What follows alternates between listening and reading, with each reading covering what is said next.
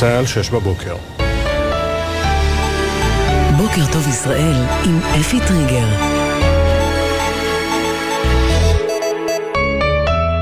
שלום לכם. בשעה זו מותר לפרסום שמו של חלל צה"ל נוסף שנפל בקרבות בעזה, סגן במילואים יובל זילבר, בן 25, מרמת גן, מ"מ בגדוד חי"ר 7007, חטיבת ירושלים. הודעה נמסרה למשפחתו.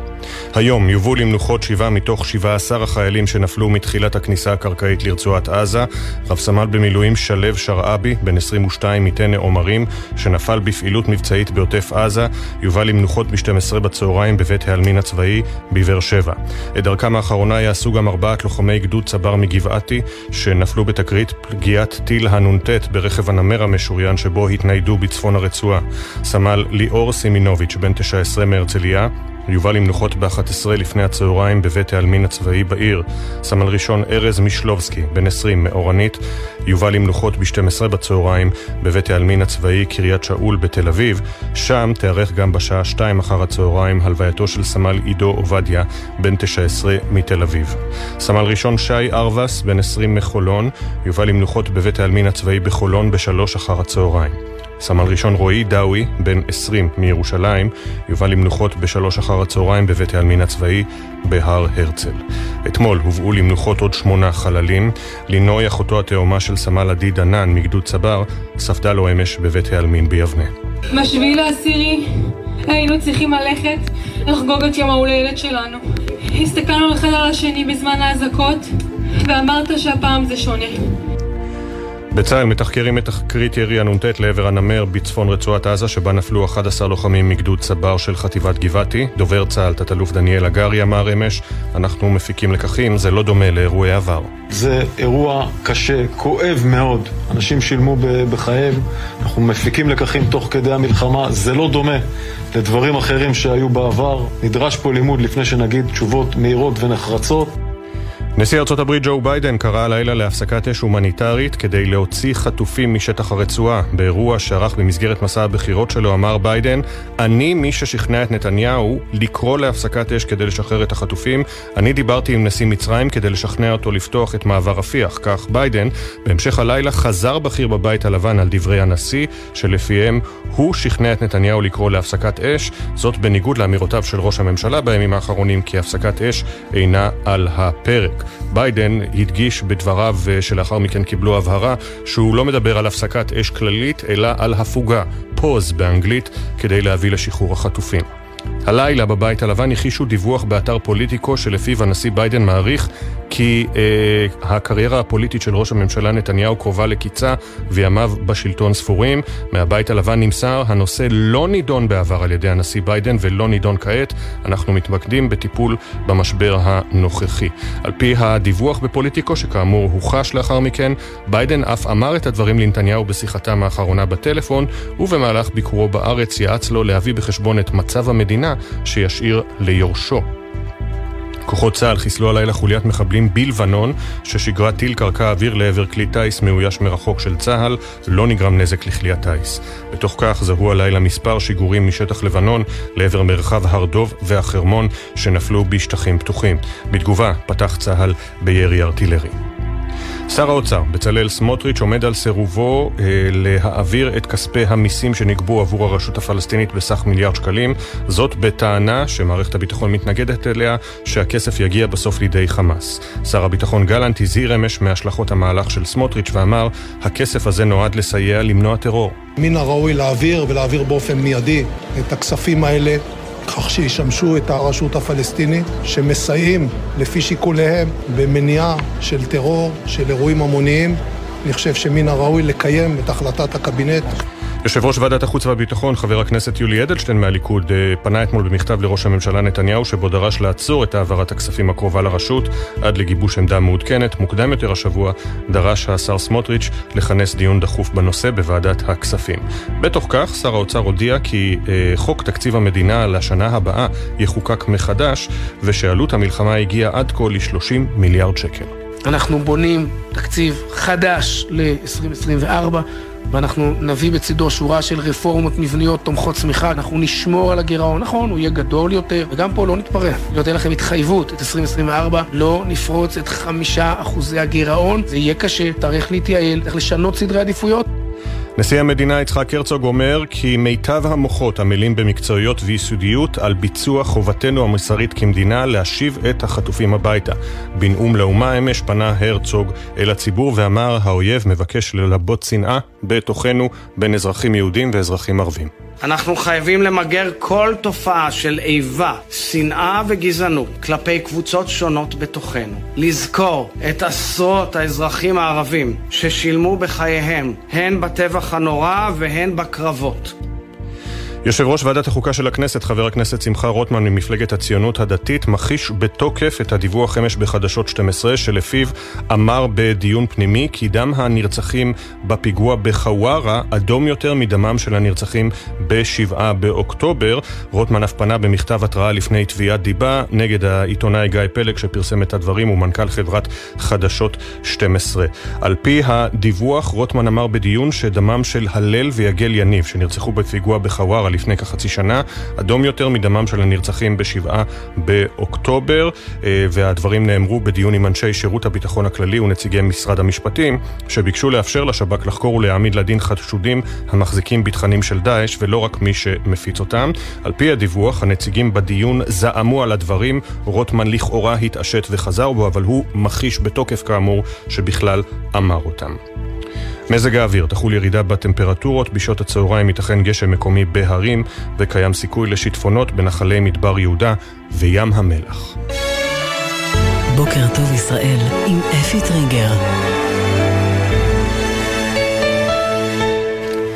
607, גלי צה"ל, בוקר טוב ישראל, זה השם שלנו, אנחנו ביום חמישי, 2 בנובמבר 2023, י"ח במר חשוון תשפ"ד. היום אה, מתחיל היום ה-27 למלחמה, אוטוטו מציינים ארבעה שבועות לשבת השחורה ששינתה את פני המדינה, כנראה לנצח, ודקות לפני השעה 6 מותרת לפרסום הבשורה המרה, עוד חלל שנפל בעזה, סגן במילואים יובל זילבר, בן 25 מרמת גן, מ"מ בגדוד חי"ר מילואים, חטיבת ירושלים. עם אה, הפרטים הללו ועם הפרטים על המשך הלחימה מצטרף אלינו דורון קדוש, כתבנו לענייני צבא וביטחון. שלום דורון. שלום אפי, אז כן, זו הבשורה שאנחנו מקבלים הבוקר. סגן במילואים יובל זילבר, בן 25 מרמת גן, מפקד מחלקה בגדוד המילואים 7007 בחטיבת ירושלים, נפל אתמול בקרב בצפון רצועת עזה. מה שאנחנו יכולים לספר לפחות בינתיים על הקרב שבו הוא נפל זה שהתנהלו במקום חילופי אש מול מחבלים אתמול באחד ממוקדי הלחימה בצפון הרצועה שבהם נלחמת אוגדת המילואים שיובל הוא חלק ממנה ובמהלך חילופי האש וההיתקלות מול המחבלים בקרב פנים אל פנים יובל נפל. הוא החלל השבעה עשר מתחילת התמרון הקרקעי ברצועת עזה והלחימה שם נמשכת, נמשכת אפי ובעוצמה רבה, הקרבות קשים ועזים ולוחמי צה"ל מגלים לא מעט גבורה ותושייה גם הלילה, ועוד יסופר בהמשך. הכוחות מתקדמים, כפי שאמר אתמול מפקד אוגדה 162, תת-אלוף איציק כהן, מפקד האוגדה שמובילה את התמרון. הכוחות נמצאים כבר על שערי העיר עזה. למעשה, הלוחמים של אוגדה 162, יחד עם אוגדות נוספות, מקיפים את העיר עזה כבר כמעט מכל צדדיה, והמטרה היא להקיף את העיר בטבעת אש, לצור עליה, ובהמשך גם להיכנס לתוכה ולנקות אותה מיעדי החמאס באופן שיטתי, ועד אז, אפי, הכוחות ממשיכים להילחם במחבלים מסביב לעיר, באזורים הצפוניים והמזרחיים של הרצועה, בית חנון, בית להיא, ג'באליה, ולהילחם שם במחבלים שנמצאים שם. הרמטכ"ל הלוי כתב אתמול באיגרת לחיילי צה"ל, המחיר כבד אך הכרחי, נמשיך להכות באויב ככל שיידרש, עד אשר אזרחי ישראל ישובו לחיות חיי ביטחון בבתיהם ובקהילותיהם, כך הרמטכ"ל. תודה דורון. תשע דקות וחצי אחרי השעה שש, אנחנו עם אה, כותרות העיתונים. לפני כן, כאמור, נחזור על השם שהותר אה, לפרסום. שמו של אה, סגן במילואים יובל זילבר, בן 25 מרמת גן, שנפל בקרבות בעזה. מ"מ בגדוד חי"ר 7007, גדוד מילואים, חטיבת ירושלים. יובל זילבר, בן 25 מרמת גן. על מועד הלווייתו תבוא הודעה בנפרד. הודעה כמובן נמסרה למשפחתו. בסך הכל, המילים בסך הכל כמובן לא מתאימות פה, אבל בלחימה מאז הכניסה... בכניסה לעזה נהרגו, נפלו 17 חיילים אה, וקצינים, יהי זכרם ברוך. אה, ובעיתונים הבוקר, למשל בידיעות אחרונות, מתנוסס הצילום האחרון. הצילום האחרון של צוות הנמר, אה, רואים פה כמעט את כל הנופלים שעות לפני שנכנסו ל, אה, לעזה, ועכשיו אנחנו מספרים לכם על התרעת צבע אדום בקיבוץ כיסופים. התרעת צבע אדום בקיבוץ כיסופים, אנא היכנסו למרחב המוגן. תכף נבין כמה שעות של שקט היו אה, לתושבי עוטף עזה עד להתראה הזו, לדעתי אה, לא מעט, לתושבי הדרום. אה, חנוך דאו מקבל את הכותרת הראשית במאמר ימי כאב, ימי גדולה, שמופיע במלואו בשער של ידיעות אחרונות. מתחתיו תמונה מפעילות אה, לוחמי צה"ל בתוך הרצועה, תמונה של דובר צה"ל, והרמטכ"ל אומר, הפעילות תימשך ותתעצם. נדב אייל כותב בטורו במוסף לשבת, בישראל בוחנים יציאת מנהיגי חמאס לחו"ל, העברת השלטון ברצועה ושחרור החטופים. זה יופיע במלואו מחר במוסף לשבת. אה, הפרשן הבכיר, נדב אייל, אה, אומר שתהיה, שבישראל בוחנים יציאת מנהיגי חמאס לחו"ל, העברת השלטון ברצועה ושחרור החטופים. תחזירו לנו את אבא, אה, כתבה של הדר גלעד, ילדיהם ובנות זוגם של אוהד יהלומי וטל חיימי, שנחטפו ב-7 באוקטובר לעזה, ממתינים להם במקומות שעליהם פונו ללא כל ידיעה על מצבם. אני לא אומרת לילדים שיש סיכוי שאבא לא יחזור, אני חושבת שהם מבינים את זה לבד, אומרת אלה, רעייתו של טל. הכתבה המלאה בעמוד 10 בידיעות אה, אחרונות. בישראל היום הרוח הישראלית בלתי שבירה זה ציטוט מתוך uh, הנאום לאומה אמש של נשיא המדינה יצחק הרצוג, שדיבר על הנשק הסודי של העם ואמר מיטב בנינו ובנותינו פועלים בחירוף נפש, אחדותנו היא הגב שלהם. השר גלנט אומר קרבות עזים מתנהלים בשטחים בנויים בעיר עזה, אנו מתקדמים בהתאם לתוכניות, והרמטכ"ל רב אלוף הרצי הלוי אומר נלחמים על זכותנו ועל זכות הדורות הבאים לחיות בבטחה. שמות אה, ותמונות, כל 16 הנופלים שאותרו עד לסגירת הגיליון מופיעות הבוקר, אה, מופיעים הבוקר השמות והתמונות בשער של ישראל היום. בין אה, מאמרי הפרשנות יואב לימור כותב טיפול שורש דורש סבלנות וכאב, נדב שרגאי כותב כיבוש, הם רוצים למחוק אותנו. מפקד חיל הים לשעבר האלוף במילואים דוד בן בש כותב המרחב הימי משאב לאומי מרכזי. שרה העצני כהן כותבת כשנבין, כשנקשיב לאויב נבין מיהו באמת. עוד uh, בשער של ישראל היום מציאות בהמתנה, את הנוף בעונה הכי יפה מסתירות רשתות הסוואה, אורי דגון על הצפון שמחפש תשובה. אה, גלים גבוהים מארצות הברית, מבריטניה, מצרפת ומנאטו, המפה המלאה של הסיוע הימי לישראל, ומחיר ההסתה. ארדואן דיבר על רצח עם בעזה, הסוחרים בישראל שוקלים את המשך הקשרים עם הטורקים. בהארץ, הכותרת הראשית, 16 חיילים נהרגו מאז החלה הפעולה הקרקעית ברצועה. מפקד אוגדה אומר, כוחות צה"ל נמצאים על שערי העיר עזה. אה, התמונה שוברת הלב של אמו של סמל ראשון עדי ליאון, זיכרונו לברכה, בהלווייתו אתמול במודיעין. גלנט אמר אתמול כי הישגיה המשמעותיים של הלחימה בעומק הרצועה גובים מחיר כבד. רק נאמר שוב שבשעה שש הבוקר הותר לפרסום שמו של חלל נוסף, כלומר 17 חיילים נהרגו מאז החלה הפעולה הקרקעית ברצועה, ושוב נדגיש, כל השמות שהותרו לפרסום אלה שמות שהודעות נמסרו למשפחות. עמוס הראל כותב על מבחן הלגיטימציה. מתחת לקיפול בהארץ, בעלי אזרחות זרה ופלסטינים העובדים בארגוני סיוע עברו משטח הרצועה למצרים דרך מעבר רפיח שנפתח אתמול לראשונה מתחילת המלחמה. עוד בהארץ, רן שמעוני כותב, עם כיתות נוכ... אה, כוננות ונוכחות מוגברת במרכז הארץ נלחמים בחרדה בהצלחה חלקית. הכתבה המלאה בעמוד 9 אה, בהארץ. במעריב, גיבורי ישראל עם תמונות הנופלים בקרב אה, חיילי צה"ל. ההתעקשות לשרת בגבעתי, הצעת הניסויים מטריה, צוואת הלוחם המרגשת והמסרון האחרון שנשלח. הכותרת הראשית בשתי מילים, בשערי עזה, עם אותה תמונה שראינו גם אה, בעיתון אה, ישראל אה, היום ובידיעות אחרונות. סכסוך שכנים, ירדן הודיע על החזרת השגריר מישראל. גלנט קרא להעביר כספים לרשות, סמוטריץ' גער בו. צריך לקרוא את הכותרת הזו שוב כדי להבין באיזה ימים אנחנו נמצאים. גלנט, שר הביטחון, קרא להעביר כספים לרשות, סמוטריץ' גער בו. אכן מההודעה הרשמית של סמוטריץ' עולה טון של גערה נזיפה. טל לברם כותב על סכנת המנהרות, והפרופסור תת-אלוף במילואים יעקב נגל כותב על אפקט ההפתעה השנייה, המהלך הבא של ישראל בצפון, אם וכאשר. בג'רוזלם פוסט, הכותרת הראשית, IDF casualties in Gaza continue to mount as Hamas threatens another massacre. Uh, הממשיך ועולה מספר הנפגעים uh, והאבדות של צה"ל בעזה, כשחמאס מאיים בטבח נוסף, הכוונה לדברים של אה, רזי חמד, בכיר חמאס, שאמר בריאיון טלוויזיוני שאם היה יכול, כמובן היה חוזר על הטבח ביהודים ושצריך להשמיד את מדינת ישראל. התמונה של אמיר כהן מרויטרס, חיילי צה"ל ברכב משוריין אה, ביום אה, שלישי, זה צילום מיום שלישי, אבל זה צילום מאוד יפה, כולל לוחם אה, ככה עם הרובה בין כוונות, כמו שאומרים. מתחת לקיפול בג'רוזלם פוסט, Global Antisemitism soars 12-fold amid war with Hamas, שיעור האנטישמיות בעולם זינק פי 12 אה, בעקבות המלחמה עם חמאס, אלה נתונים שמביא צביקה קליין, הכתב אה, המצטיין בתחום התפוצות בתקשורת הישראלית. אה, יום חמישי זה היום של שבועון ש"ס, הדרך. אל דמי לך, אני מקווה שאני קורא את זה נכון, אין פה ניקוד. אם אני טועה אז בבקשה תתקנו אותי. אל דמי לך או אל דמי לך. בקרבות קשים ברצועת עזה נהרגו אה, חיילים רבים, השם ייקום דמם. אה, וגם עולם התורה הוכה באבל בהסתלקותו לגנזי מרומים של זקן חברי מועצת גדולי התורה, הגאון הגדול רבי ברוך מרדכי אזרחי. ההלוויה שלו הייתה בסוף השבוע שעבר, כזכור. אה, ביתד נאמן, העיתון החרדי האשכנזי, קרבות קשים בעזה, אבדות כואבות בלחימה. בחסדי שמיים סוכלה מתקפת טילים מתימן.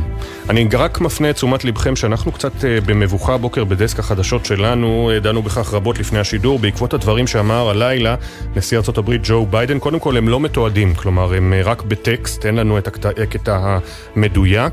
על פי הדברים של ביידן במהלך אירוע בחירות, על פי הדיווחים, התפרצה רבה.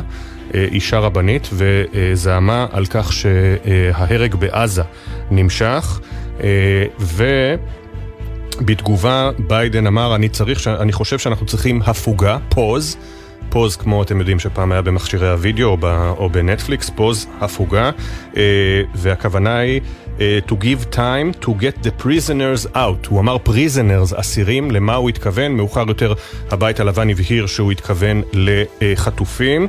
נזכיר שוב, לא תמיד, הרבה פעמים רבות ביידן כושל אה, בלשונו, יריביו הפוליטיים אומרים שזה עניין של גילו המתקדם, אה, אבל אה, הוא אמר לאחר מכן, אירוע מאוד מורכב לישראלים. אני זה ששכנע את בנימין נתניהו ראש ממשלת ישראל, לעצור את האש כדי לספק סיוע הומניטרי.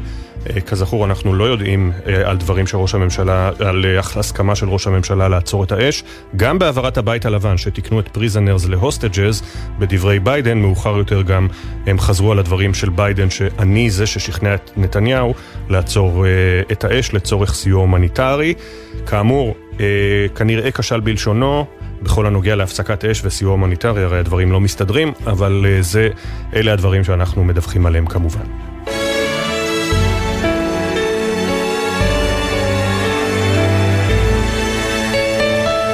שש ושמונה עשרה דקות. אה, גאזה דיילי נשמע אולי כמו שם של עיתון יומי נפוץ בעזה, אבל למעשה מדובר בשמו של אה, משדר רדיו חדש עבור תושבי רצועת עזה, ומי עומד מאחוריו? לא אחר מתאגיד השידור הבריטי ה-BBC. בתדר שיושק מחר יוכלו לקבל אנשי עזה עדכונים שוטפים על המלחמה, שירות חדש ברקע הביקורת הישראלית והיהודית החריפה על תאגיד השידור, שבעבר היה שם אה, גדול לאובייקטיביות ולעיתונות נקייה, רבים עיתונאים ומנהלים. מנהלים בתקשורת בישראל גם משום מה כל הזמן מזכירים את ה-BBC אה, כדוגמה שלהם. אה, אני מניח שאחרי המלחמה ואחרי הסיקור המוטה לרעת ישראל באופן קבוע, זה כבר אה, ישתנה. אז מה זה הגז הדיילי? כתבת חדשות החוץ איה אילון, שלום. שלום אפי, תושבי רצועת עזה יוכלו כבר ממחר בבוקר לפתוח את מכשירי הרדיו שברשותם ולהאזין לתדר של רשת BBC הבריטית. ברשת הודיעו אתמול על פתיחת שירות רדיו חירום לרצועת עזה בתגובה לסכסוך באזור, כך כלשונם. השידור יופק בלונדון ובקהיר במקביל. תחילה יתקיים משדר אחד ביום בשם היום בעזה, אותו כינו ברשת חיוני. המשדר הזה יספק מידע על המלחמה ועל המתרחש בעולם לתושבים שמנותקים ממנו. בין היתר יפורסם במהלך השידור מידע על מחסה קרוב מתקיפות צה"ל והיכן ניתן להשיג מזון ומים בקרבת מקום. לפי ה-BBC, המשדר הזה מיועד לתושבי הרצועה, אבל בהודעתם אין שום התייחסות לשימוש לרעה שעשוי ארגון הטרור חמאס לעשות במידע הזה. תדר חירום דומה הושק ברצועת עזה בשנת 2014 בעקבות מבצע צוק איתן.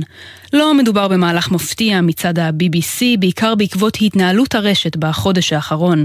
כזכור, ברשת הבריטית סרבו לכנות את חמאס ארגון טרור, ונמנעו מגינוי הטבח שהתרחש בישראל. במאמר שפרסמה הרשת בימיה הראשונים של המלחמה, נכתב כי טרור היא מילה עמוסה, שבה אנשים משתמשים כשהם מסתייגים ממשהו מבחינה מוסרית. אין זה תפקידה של ה-BBC להגיד מי לגנות ובמי לתמוך, מי הרעים ומי הטובים. עוד נכתב במאמר העברה כי ה-BBC לא משתמשת במושג טרור בעצמה, אלא רק אחראית להציג לקהל את העובדות ולתת להם להחליט בעצמם. מיום שישי הבא ישדר ה-BBC רצועת בוקר נוספת של עדכונים על המלחמה לתושבי הרצועה. כרגע עדיין לא ברור עד כמה התדר החדש הזה צפוי להתרחב. 6.21 אין עוררין על כך שהצבא צועד על קיבתו, אבל האם הצבא צועד גם על תספורתו, כפיסתו ואפילו טיפוח פורניו? באגודה למען החייל ניסו להבין את הצורך של החיילים והחיילות בשטחי הכינוס, ושיגרו אל קצוות הארץ מחולות ניידות ובהן סלוני יופי שלמים, מכבסות ומקלחות. האם התחתונים והגופיות ממלחמת יום הכיפור הם כבר פסה? רמי שני כתבנו שוטט בין היחידות בדרום. בוקר טוב אפי, ידידי צה"ל בעולם, ויש הרבה כאלה, בעיקר בארצות הברית, תרמו 140 מיליון שקלים לאגודה למען החייל ולקרן ליבי. והמלחמה הזאת היא בדיוק המקום לעשות עם הכסף הרבה דברים חיוניים. לצד סיוע למשפחות ולחיילים בצורות שונות, יודע לספר רפי כהן, יושב ראש הארגונים האלה בדרום, על הצ'ופרים החשובים מאוד שמובאים ישירות לחיילים. אנחנו עובדים בצמוד עם הפיקודים, שלושת הפיקודים, עם הזרועות, זרוע הים, זרוע האוויר, זרוע היבשה, ולמעשה אנחנו מקבלים מהם את הצרכים שלהם בכל החתכים.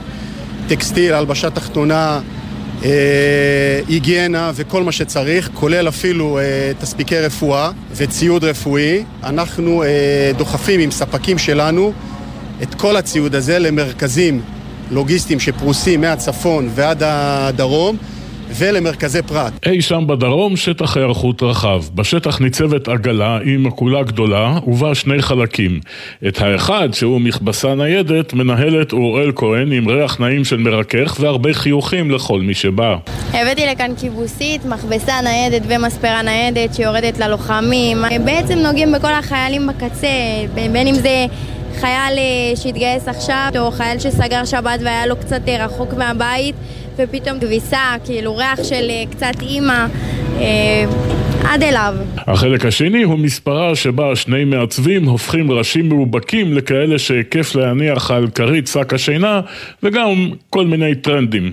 פה אני מרגיש יותר כמו שליחות כזאת, בבית אתה יודע, אתה עובד בשביל זה, פה אתה יותר אה, בא לפה לתרום ולתת, הלוחמים שלנו שבאים ועכשיו הולכים להיכנס לעזה אנחנו באים לתת להם, ומה שאנחנו יכולים לתת אנחנו נותנים, להרים להם באווירה, הכל. עושים להם את הטרנדים היום של החדשים, יש כאלו עושים את השפם, יש כאלו עושים את המויקנים, מולטים.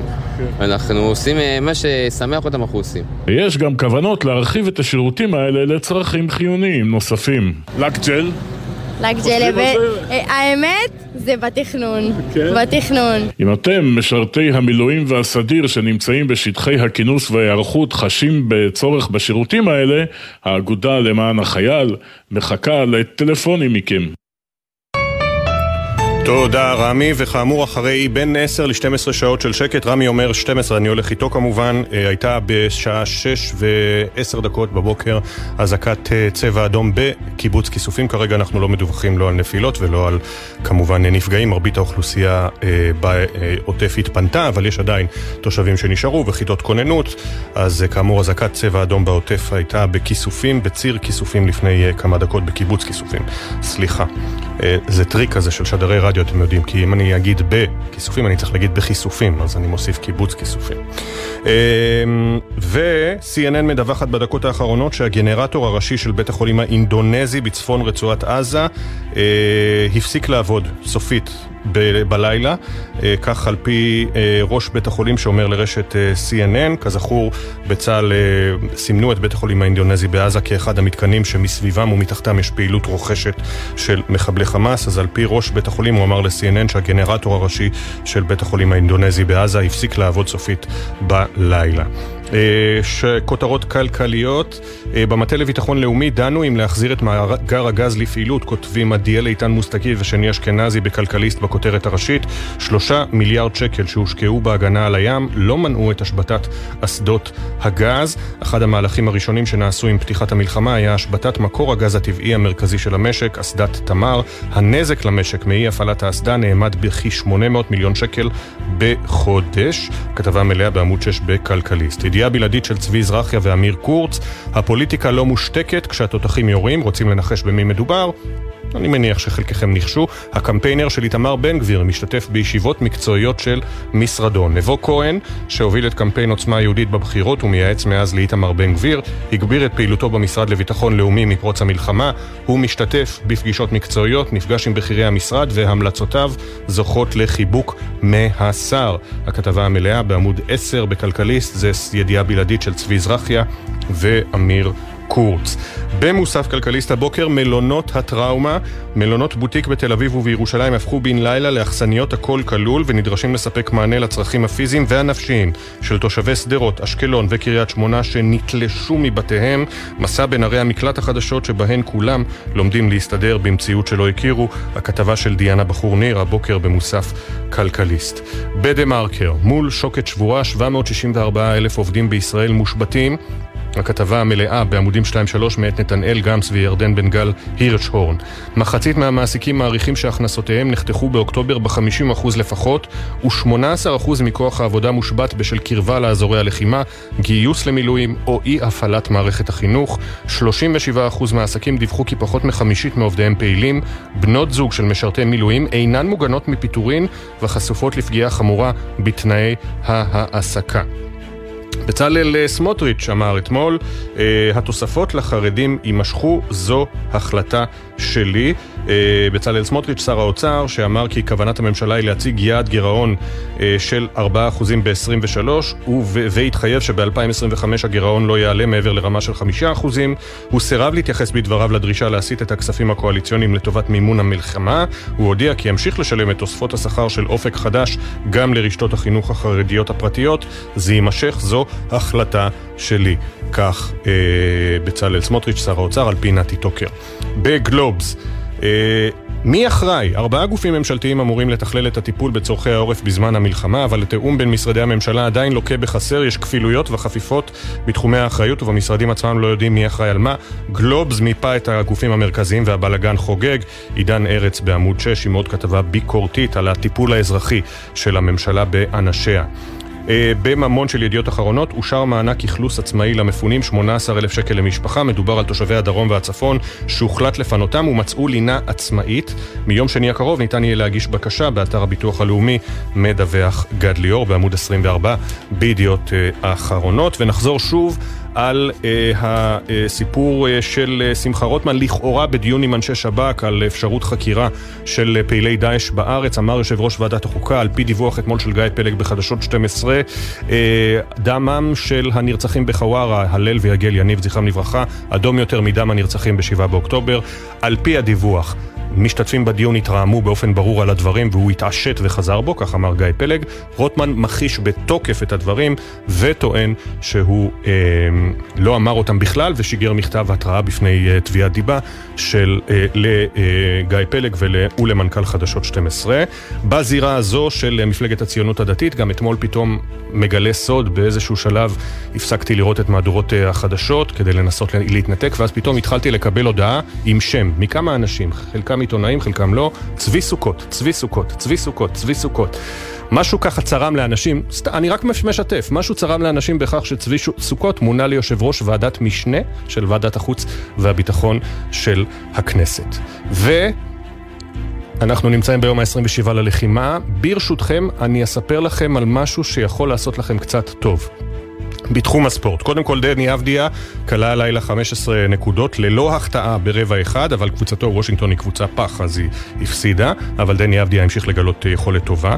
שימו לב, קהילה יהודית וישראלית בטקסס. טקסס ריינג'רס זכו לראשונה בהיסטוריה ב World Series, באליפות העולם בבייסבול, הם ניצחו את אריזונה דיימונד בקס בחמישה משחקים, יש המון יהודים וישראלים בטקסס, אז טקסס ריינג'רס לראשונה אלופי ה World Series, ואם אתם רוצים קצת מצב רוח טוב, אני אתחיל במשהו מוזר, אבל אתם תבינו תכף. הלילה הלך לעולמו אחד ממאמני הכדורסל הידועים ביותר בספורט המכללות בארצות הברית, בובי נייט, מת בגיל 83, אבל אם אתם רוצים קצת לצחוק בימים אלה, תיכנסו ליוטיוב, ליוטיוב תחפשו בובי נייט tantrum או בובי נייט angry. אחד הדברים המפורסמים של בובי נייט היה שהוא פשוט היה משתולל במגרש, שובר כיסאות תוך כדי משחקים. זה יעשה לכם קצת טוב על הלב. נייט כמו אביר עם K, the K is silent בהתחלה. בובי נייט, תחפשו אה, ביוטיוב. תכף ליאור גם יעשה את זה. יוצאים להפסקה של 43 שניות ומיד חוזרים.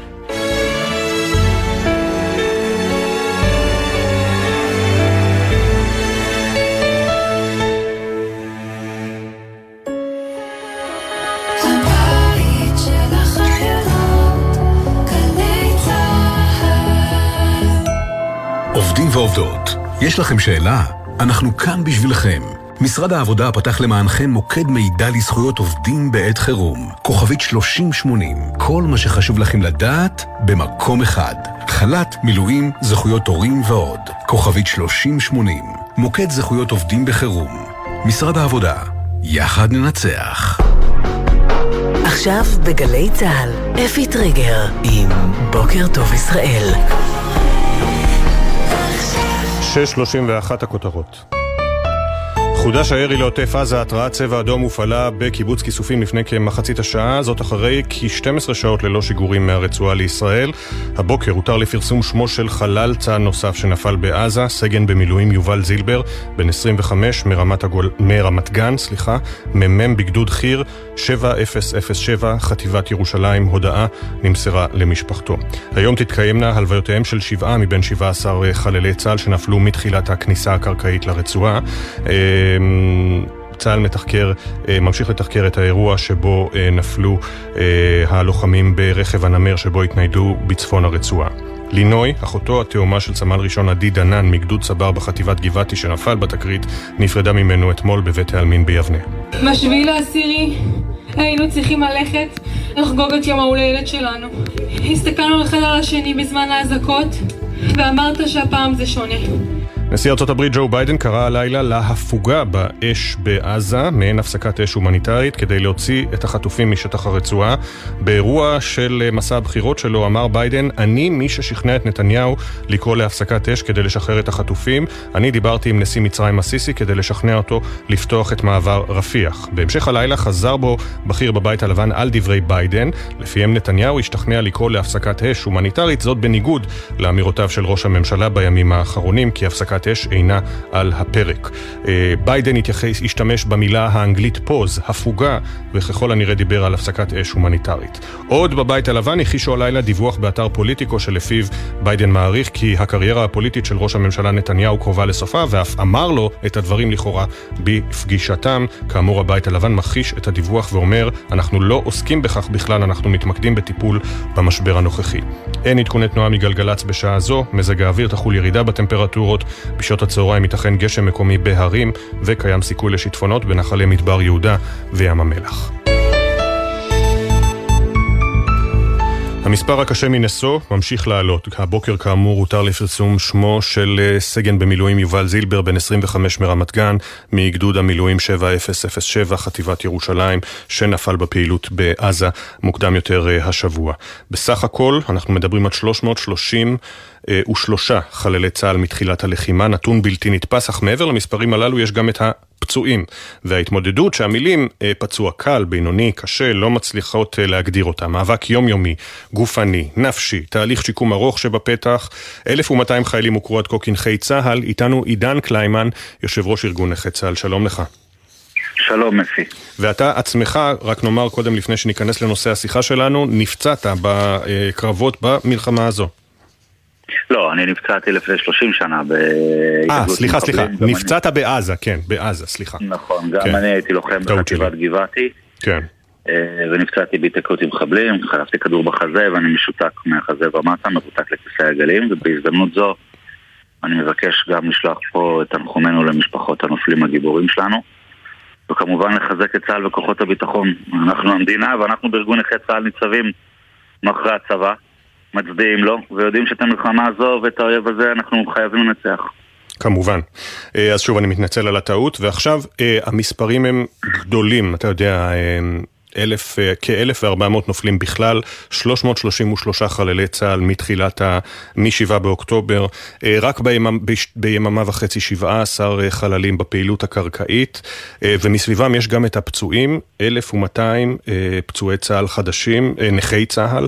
איך, קודם כל, איך... איך ניגשים לטפל באדם ש, שזה עתה נפצע בקרב, ראה מראות שלא ישכח כל חייו, והופך לנכה צה"ל?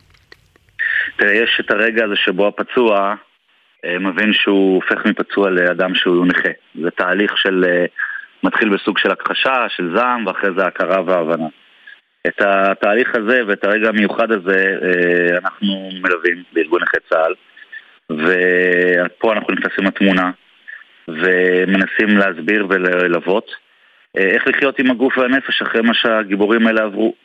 וזה מה שאנחנו לומדים אצלנו גם בארגון וגם בבתי הלוחם. שבתי הלוחם זה מרכזי השיקום הטובים בעולם. מלווים אותם uh, במתקנים שלנו, הבריכה, חדר כושר, הטניס, הכדורסל וכל הפעילויות השיקומיות שלנו. ומחברים את החיילים, את הפצועים, למעשה לצוותים חדשים. אחת הבעיות של הפצועים זה האובדן הזה של הצוות והביחד. ואנחנו מחברים אותם לפצועים הוותיקים ומלווים אותם ומראים להם uh, את הדבר החשוב ביותר, שהחיים ממשיכים גם אחרי הפציעה. עם הקשיים, ופשוט מובילים אותם לחוף מבטחים. זו המטרה של ארגון נכי צה"ל. ולמרבה הצער, הניסיון שלכם אדיר, כי מי, יש לנו הרבה אה, נכי צה"ל, אתה כאמור גם אה, נפצעת לפני כ-30 אה, שנה אה, כאיש גבעתי בפעילות מבצעית בח'אן יונס. אה, כשאתה יודע, לפעמים אנשים שומעים פצוע קל, פצוע בינוני, אומרים, אה, ah, אין סכנת חיים, לוקחים נשימה. אבל האיש מאחורי הפציעה הזו, מבחינתו החיים השתנו. הפצוע קל ופצוע בינוני זה הגדרה יבשה. בסופו של דבר אדם יכול להיות עם uh, 40% נכות וזה כמו 100%. Uh, בסופו של דבר הוא צריך להתמודד עם שינוי uh, היסטורי, היסטרי של הגוף שלו, של הנפש שלו. הלוחמים האלה, במיוחד במערכה הזאת, בכל מערכה, אבל במערכה הזאת על אחת כמה וכמה, עם הרצח עם שניסו לעשות לנו, מובילה, אנחנו מבינים קודם כל אנחנו נערכים בארגון לקליטה מסיבית מאוד של פצועים כמו שהזכרת. אנחנו נערכים, אני מבטיח לך שהתמרון היבשתי רק התחיל, ולכן אנחנו נערכים לפצועים ברמה של אה, מסה של מלחמת יום הכיפורים, אבל יותר מזה, אני מדבר על העצימות של הפוסט-טראומה.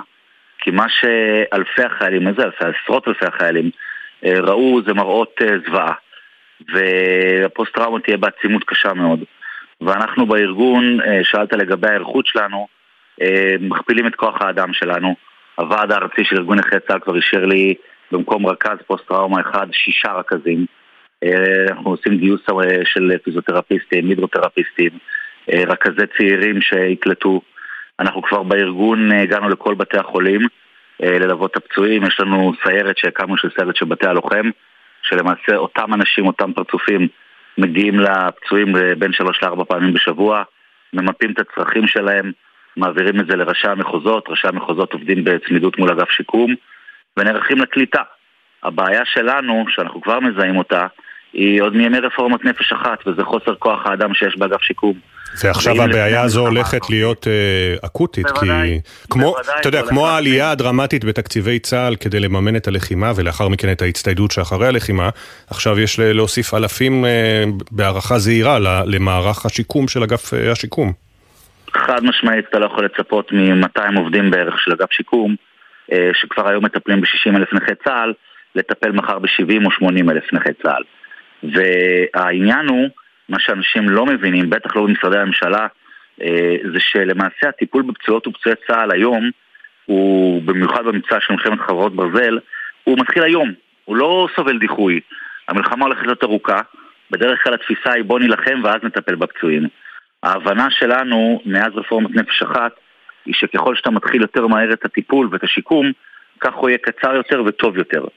ואם יש לנו משימה, לא רק אה, לארגון נכי צה"ל, אלא גם למדינה, אה, להחזיר את הפצועים האלה אה, ששילמו בגופם ובנפשם, לחיות חיים מלאים כאזרחים תורמים בחברה הישראלית, אנחנו צריכים להתחיל את השיקום עכשיו. ולכן אני קורא מפה לממשלת ישראל כבר להעמיד תקציבים לאגף שיקום, גם לטובת יישום רפורמת נפש אחת, ובטח ובטח לטובת אה, הכפלת כוח האדם שם, כדי לאפשר ללימור לוריה, ראש אגף שיקום ולצוות שלה, אה, לעשות מה שצריך. הם, אה, הם, הם צריך להחמיא להם שאת הפצועים האלה, הם לא חיכו שיגישו טפסים ויעברו ועדות רפואיות ותהליכים, הם כבר מבית החולים נתנו להם מעמד של הכרה לטובת טיפול, אבל זה תהליך, זה הצעד הראשון בלבד. יש פה מסע שיקומי בלתי נגמר, נצטרך פה משאבים מאוד מאוד גדולים. אני פותח, אה, יש לנו את אה, בתי הלוחם, שאתה בטח מכיר, אה, ויש את בית הלוחם החמישי, בית הלוחם אשדוד, שהיה אמור להיפתח עוד שלוש שנים. אנחנו מאיצים את קצב הגיוס הכספים ואת הפתיחה שלו, כי זה הולך להיות בית לוחם מאוד קריטי. זה הולך להיות בית לוחם שגם כן. נמצא על קו רק העוטף. אני עוצר אותך לרגע, צבע אדום עכשיו במבטחים עמיעוז יש"ע. צבע אדום במבטחים עמיעוז יש"ע. אנא היכנסו למרחב המוגן. כן, אז רק אה, אמרתי, אנחנו מאיצים את קצב הפיתוח של בית הלוחם באשדוד. חשוב מאוד. ובית קיי, בצ- ובית קיי בצפון, שהיה סגור, אה, שסגרנו אותו לפני ארבע שנים, אנחנו כנראה שוקלים לפתוח אותו מחדש, ועל ידי כך לכסות אה, צפון ודרום את הטיפול בפצועי צה"ל. אתגר גדול לפניכם, לפני המדינה. אני רוצה מאוד להודות לך, עידן קליימן, יושב ראש ארגון נכי צה"ל. תודה רבה לך. תודה לכם. וכמובן נאמר תודה גם לאנשי אגף השיקום שידיהם מלאות עבודה וכאמור יצטרכו עזרה בקרוב מאוד. אה, סמל ראשון עדי דנן, זיכרונו לברכה, מפקד כיתה, בגדוד צבר בגבעתי, הוקפץ בבוקר 7 באוקטובר לעוטף. רגע לפני הספיק לחבק את לינוי, אחותו התאומה, חיבוק אחרון, הבטיח לה שיחזור. תקרית הנ"ט לעבר הנמר בצפון רצועת עזה גבתה גם את חייו, חייו של המפקד המוכשר והערכי, אחיה האהוב של לינוי. בבית העלמין אתמול ביבנה הייתה גם כתבתנו עינב קרנר. בשביעי לעשירי היינו צריכים ללכת לחגוג את יום ההולדת שלנו. הסתכלנו אחד על השני בזמן האזעקות ואמרת שהפעם זה שונה. ב-12 בלילה התקשרתי להגיד לך מזל טוב, הפכנו לבני 20. מילות ההספד, מילותיה האחרונות של לינוי לאחיה התאום סמל ראשון עדי דנן מיבנה, גרמו לאלפי בני האדם בבית העלמין לבכות.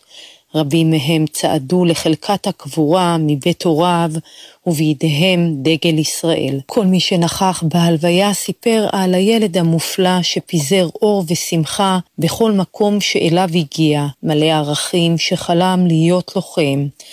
חברתו יאליס מדר, שכנראה הרגישה שמשהו לא טוב קורה או עומד לקרות, כתבה לו ברכת יום הולדת שאותה לא הספיק לקרוא. אתה החיים שלי, כל העולם שלי, הבן אדם הכי קרוב אליי, החבר הכי טוב שלי, איש הסוד שלי, בעזרת השם השותף שלי לחיים האלה, כמה רציתי להתחתן איתך. סמל ראשון עדי דנן, זכרו לברכה, מפקד כיתת צבר בחטיבת גבעתי, הותיר אחריו שני הורים, אחות תאומה ועוד אחות קטנה, יהי זכרו ברוך. אכן, ואנחנו ממשיכים הבוקר במיזם שלנו מאחורי השמות. מדי בוקר מספרים כאן משהו קצר על כל נרצח ונופל, אנקדוטות שאת חלקן בני משפחה וחברים שלחו לנו, ואנחנו מבטיחים לעשות זאת על כל אחד ואחת מאחורי השמות.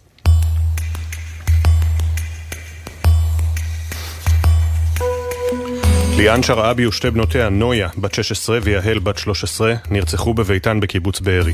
ליאן, שגדלה באנגליה, עלתה ארצה להתנדב, והשתקעה בבארי בעקבות אהובה אלי, שנחטף לעזה. במשפחת שרעבי האהבה לכדור רשת עברה בתורשה, ליאן, נויה ויהל, כל אחת בקבוצתה, חרכו את המגרש. נויה הפכה בשנה האחרונה למרכזת בנוער העובד והלומד, וסוף סוף יכלה להביא לשינוי אמיתי, ולא רק להעיר, תמיד בצדק אגב, למדריכים שלה. יעל הייתה גם היא חניכה בקן בבארי, בבארי. משה ואליעד אוחיון, אב ובן, נרצחו בקרבות באופקים. משה היה מנכ"ל מיזם 929, תנ"ך ביחד. את השנה האחרונה הקדיש לאיחוי הקרע בחברה. רק לפני כמה שבועות יזם הקמת מאות סוכות שלום והידברות. אליעד, פצצת אנרגיה, לא בדיוק הצליח להתרכז בשיעורים בתיכון. כשהמנהל הצהיר כי לא יוותר לו על תעודת הבגרות, אליעד השיב, תן לי להתנדב. הוא עמד בסיכום עם המנהל עד כדי כך שאומרים שהפך לסופרמן של העמותות, וסיים את כיתה י"ב עם התעודה הנכספת. הדר פרינץ, בת 21 מרחובות, נרצחה במסיבה ברעים. הדר הייתה נפש חופשייה, הספיקה לטייל בדרום אמריקה, אהבה את הים ובמיוחד לצפות בשקיעה. אסף פבר, בן 23, מרעים, נרצח בתום מאבק עם המחבלים בשכונת הצעירים בקיבוץ. אסף, מוזיקאי מוכשר, התרגש לקראת ההופעה של ברונו מרס בפארק הירקון באותו הערב. לפני שנרצח הספיק להתריע בהודעה למוכר הכרטיסים, ככל הנראה לא אצליח להגיע למופע. סמל ראשון דניאל רשד, בן 19 משפרעם, היה לוחם בגדוד 13 בחטיבת גולני. דניאל בן ה... דניאל, סליחה, בן העדה הדרוזית. דניאל רשד התעקש לסגור שבתות בבסיס גם כשיכל לצאת הביתה, ונלחם להישאר בגולני, אף שלא היה חייב להמשיך בשירות קרבי. הדוקטור ליליה גורביץ' וסילקובסקי. נרצחה במסיבה ברעים. ביום, ליליה הייתה מדענית מוכשרת בתחום הביולוגיה המולקולרית, שקועה במעבדה ובניסויים. בלילה אהבה מדע בדיוני, מוזיקה וריקודים. את האהבה למדע והסקרנות הורישה לתאומים שלה, תמר ודקל, שרק עלו לכיתה א'. רב סמל מתקדם במילואים שחף ברגשטיין, בן 33 מכפר עזה, היה לוחם בחטיבת עציוני. שחף למד טכנולוגיות מים מתוך אהבת הארץ והאדמה והתנדב בעמותת אתגרים. בני הזוג מתי ואמיר וייס נרצחו בביתם בקיבוץ בארי. מתי, אשת חינוך בכל רמ"ח איבריה, הובילה מיזם ארצי להוראת אומנויות. אמיר היה שותפה לדרך, האזין לשיחותיה המקצועיות בסבלנות כנהג בוס, ותמיד זכר להביא למתי את האגוזים והקטניות ששכחה. סמל ראשון בנימין לב, בן 23 מירושלים, היה לוחם בגדוד 202 בחטיבת הצנחנים. בנימין, חרדי שעלה מצרפת כחייל בודד, חזר בבוקר ה-7 באוקטובר מ-12 שעות של מערב, ובכל זאת התנדב ראשון לצאת לקרב. להפתעת אביו, לשבעה באו המון צעירים, שהציגו את עצמם בתור החבר הכי טוב של בנימין. עמית גבאי נרצח בקיבוץ רעים. עמית היה אלוף בכתיבה ואלתור, ובזמן התיכון היה ידוע ביכולתו לעורר תוך רגעים גל צחוק בכיתה, שאליה נהג להגיע יחף. סמל אמיר לביא, בן 19 מירושלים, היה רגם קשת בגדוד 50 בחטיבת הנחל. כשלמד בפנימייה, נכנס אחר הצהריים אחד לכיתה עם תפילין וצעיף של בית"ר. אמיר טען שלא הספיק להניח תפילין, ולבקשת המורה הסביר לכיתה בתבונה על המצווה. משם, מיהר למשחק של בית"ר ואמר בחיוך, אולי התפילין יעזרו. דניאל בן סניור נרצחה במסע ברעים. דניאל, אחות במקצועה, הייתה הכתובת של חבריה לכל שאלה על רפואה. אמה, פרי, הלכה לעולמה לפני כשבוע. רב סמל ראשון במילואים יובל גבאי, בן 35 מרחובות, היה מפקד כיתה בגדוד 8109 בחטיבה המרחבית שומרון. יובל, אוהד שרוף של הפועל תל אביב, היה מכור למיץ תפוזים, ומכור עוד יותר לכלב שלו, בראוני, שבו טיפל כאילו היה בנו. ענבר שם טוב נרצחה במסיבה ברעים. ענבר, שהשתחררה משירות צבאי כלוחמת משמר הגבול, האמינה בכל ליבה באהבת חינם, והפיצה אותה לכל עבר דרך המשפט "קבלו על עצמכם אהבה". מה כבר יכול לקרות? רב סמל מתקדם מור שקורי, בת 29, הייתה סיירת בתחנת שדרות שנלחמה עד הכדור האחרון. היא כבר החלה לתכנן את החתונה עם אהובה דוד, שהייתה אמורה להיערך עוד מספר חודשים. יוסף סילברמן ומרגית סילברמן שניידר נרצחו בקיבוץ ניר עוז. סבא יוסי אהב לצייר והיה חובב תולדות האומנות ובמיוחד את ציוריו של פרנסיסקו גויה. סבתא מגרית הייתה השכנה הכי אהובה על כולם וטיפלה בילדי הקיבוץ בעדינות ומסירות. בתם והנכדים הג'ינג'ים הקטנים נמצאים כעת בשבי חמאס. דור מלכה מאילת נרצח במסיבה ברעים, שם מכר בגדים ותכשיטים בדוכן שהקים. דור האמין בעסק שלו והשקיע בו, רק לא מזמן אה, לקח הלוואה וליקט בהודו וברחבי העולם תכשיטים מיוחדים. מרדכי נווה נרצח בעברי כשיצא להגן על בת זוגו יונה ולסייע לחברי הקיבוץ לסגור את דלתות הממ"ד. מרדכי, ששירת בצעירותו כלוחם צוללות, היה האיש לכל משימה. בנה את בתי בארי, סלל את המדרכות והיה פעיל בנגרייה. רב סרן בנימין בנג'י טרקניסקי, בן 32 מתל אביב, נפל לאחר שחילץ עשרות בני אדם מקיבוץ בארי. בנג'י תמיד ראה את האחר והחלש. עוד כילד תרם את דמי הכיס שלו כדי להותיר מרכז למידה פתוח וסייע לילדה עם שיתוק ברגליה להגיע לכיתה. רן שפר, כבן 48 מבארי, נרצח במסיבה ברעים. רן, בעל השיער השופע והרסטות שהיו מזוהות איתו יותר מכל, טייל ברחבי העולם, אבל תמיד חזר בסוף לקיבוץ בארי. הפנים והשמות. הסיפורים המלאים יעלו בהמשך לעמוד האינסטגרם והפייסבוק של גלי צה"ל. נזכיר שבני משפחה וחברים יכולים לשלוח לנו סיפורים ותמונות. אה, לכתוב את המייל זיכרון עם K, זיכרון שטרודל glz.co.il. תודה לכתבותינו תמר שונמי, ענבר פייבל ואנה פינס שהביאו את הסיפורים לשידור.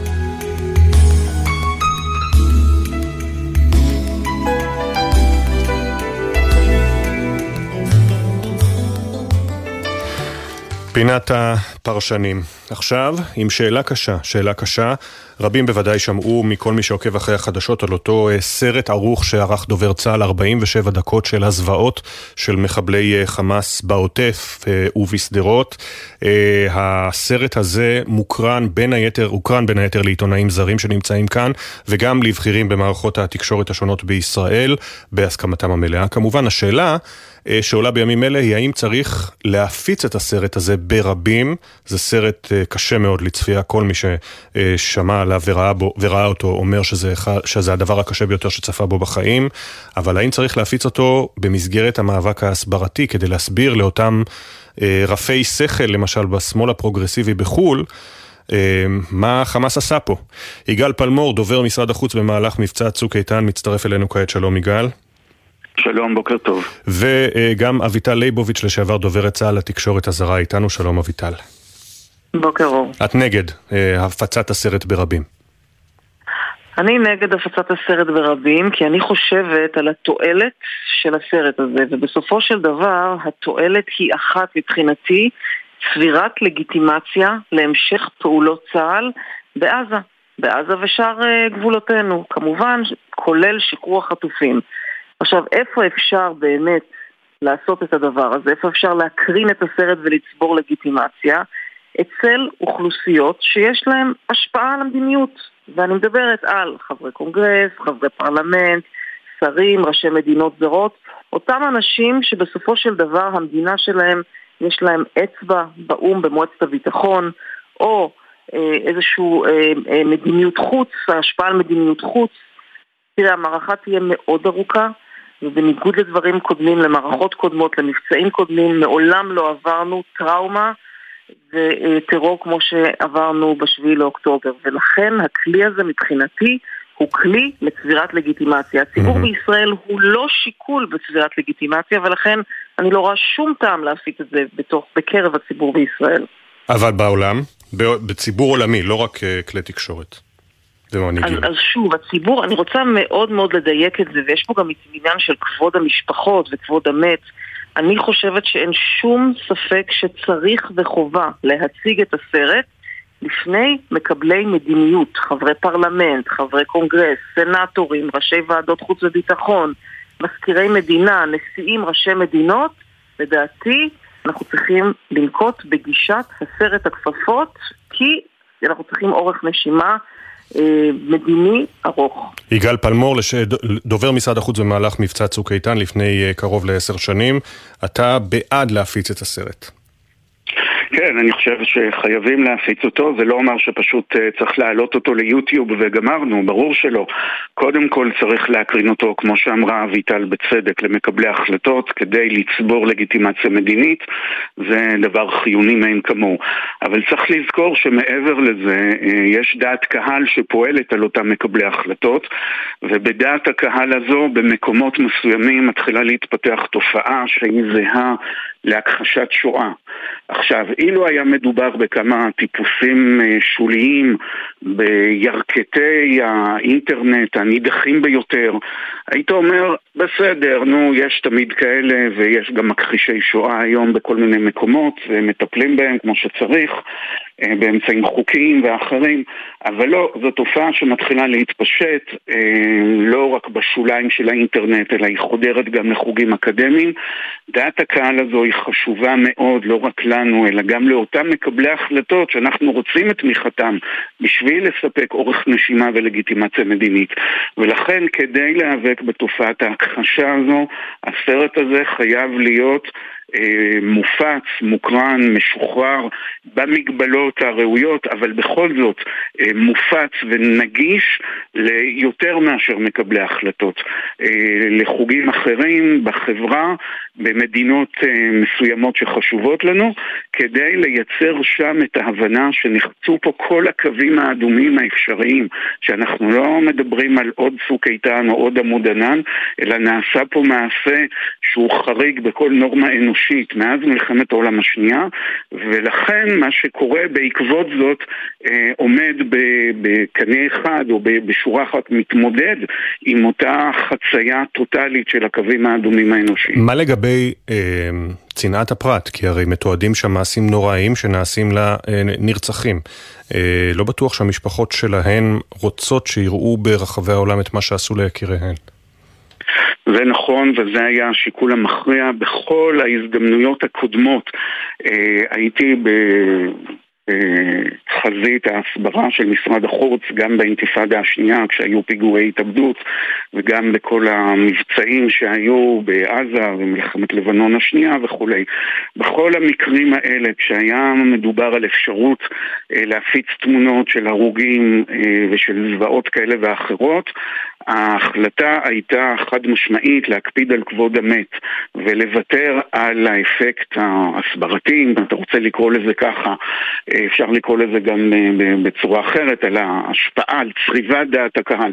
אפשר היה לוותר על זה בשם כבוד המת, אבל אנחנו עכשיו במצב שבו כל הכללים נשברו, אנחנו במצב חריג לגמרי שלא דומה למצבים קודמים. אה, ולכן אנחנו לא יכולים אה, להמשיך ולהתנהל לפי הכללים הקודמים וחייבים להיאבק על דעת הקהל על, כדי לאפשר לצה"ל לבצע את מה שהוא צריך לבצע אה, בכל האמצעים שלרשותנו, גם אם אלה אמצעים שבעבר נמנענו להשתמש בהם.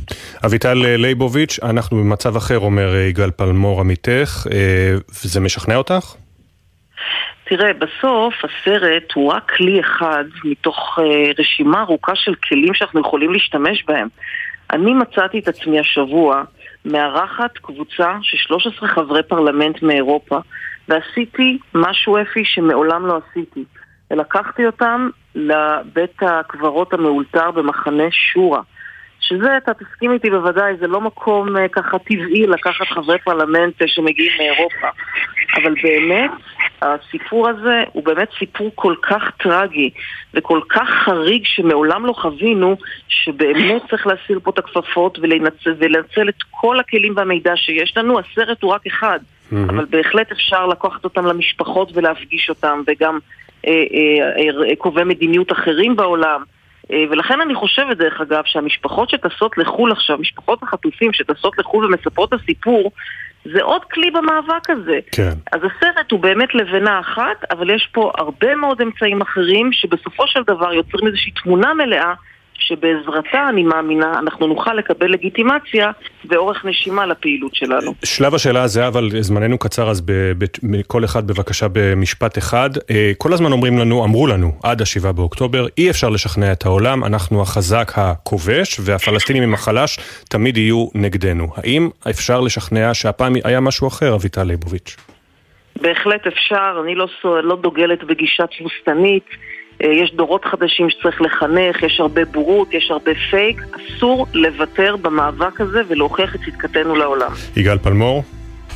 אפשר בהחלט לשכנע, אפשר לשכנע וחייבים לשכנע את אלה שהם ידידינו ואלה שפתוחים לשמוע באופן אובייקטיבי מה שקרה. אין לוותר על אף עמדה אחת במאבק ההסברתי.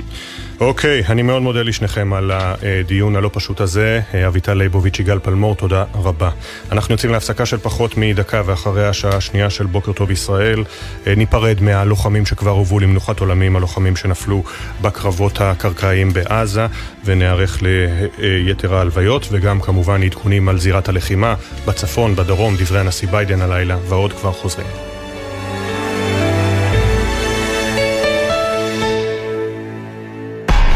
אתם מאזינים לגלי צה"ל. בעת התרעה על ירי טילים לא מחכים וכמובן לא מצלמים. ניגשים מיד למרחב המוגן ושוהים בו עשר דקות, לא פחות. הנחיות פיקוד העורף מצילות חיים.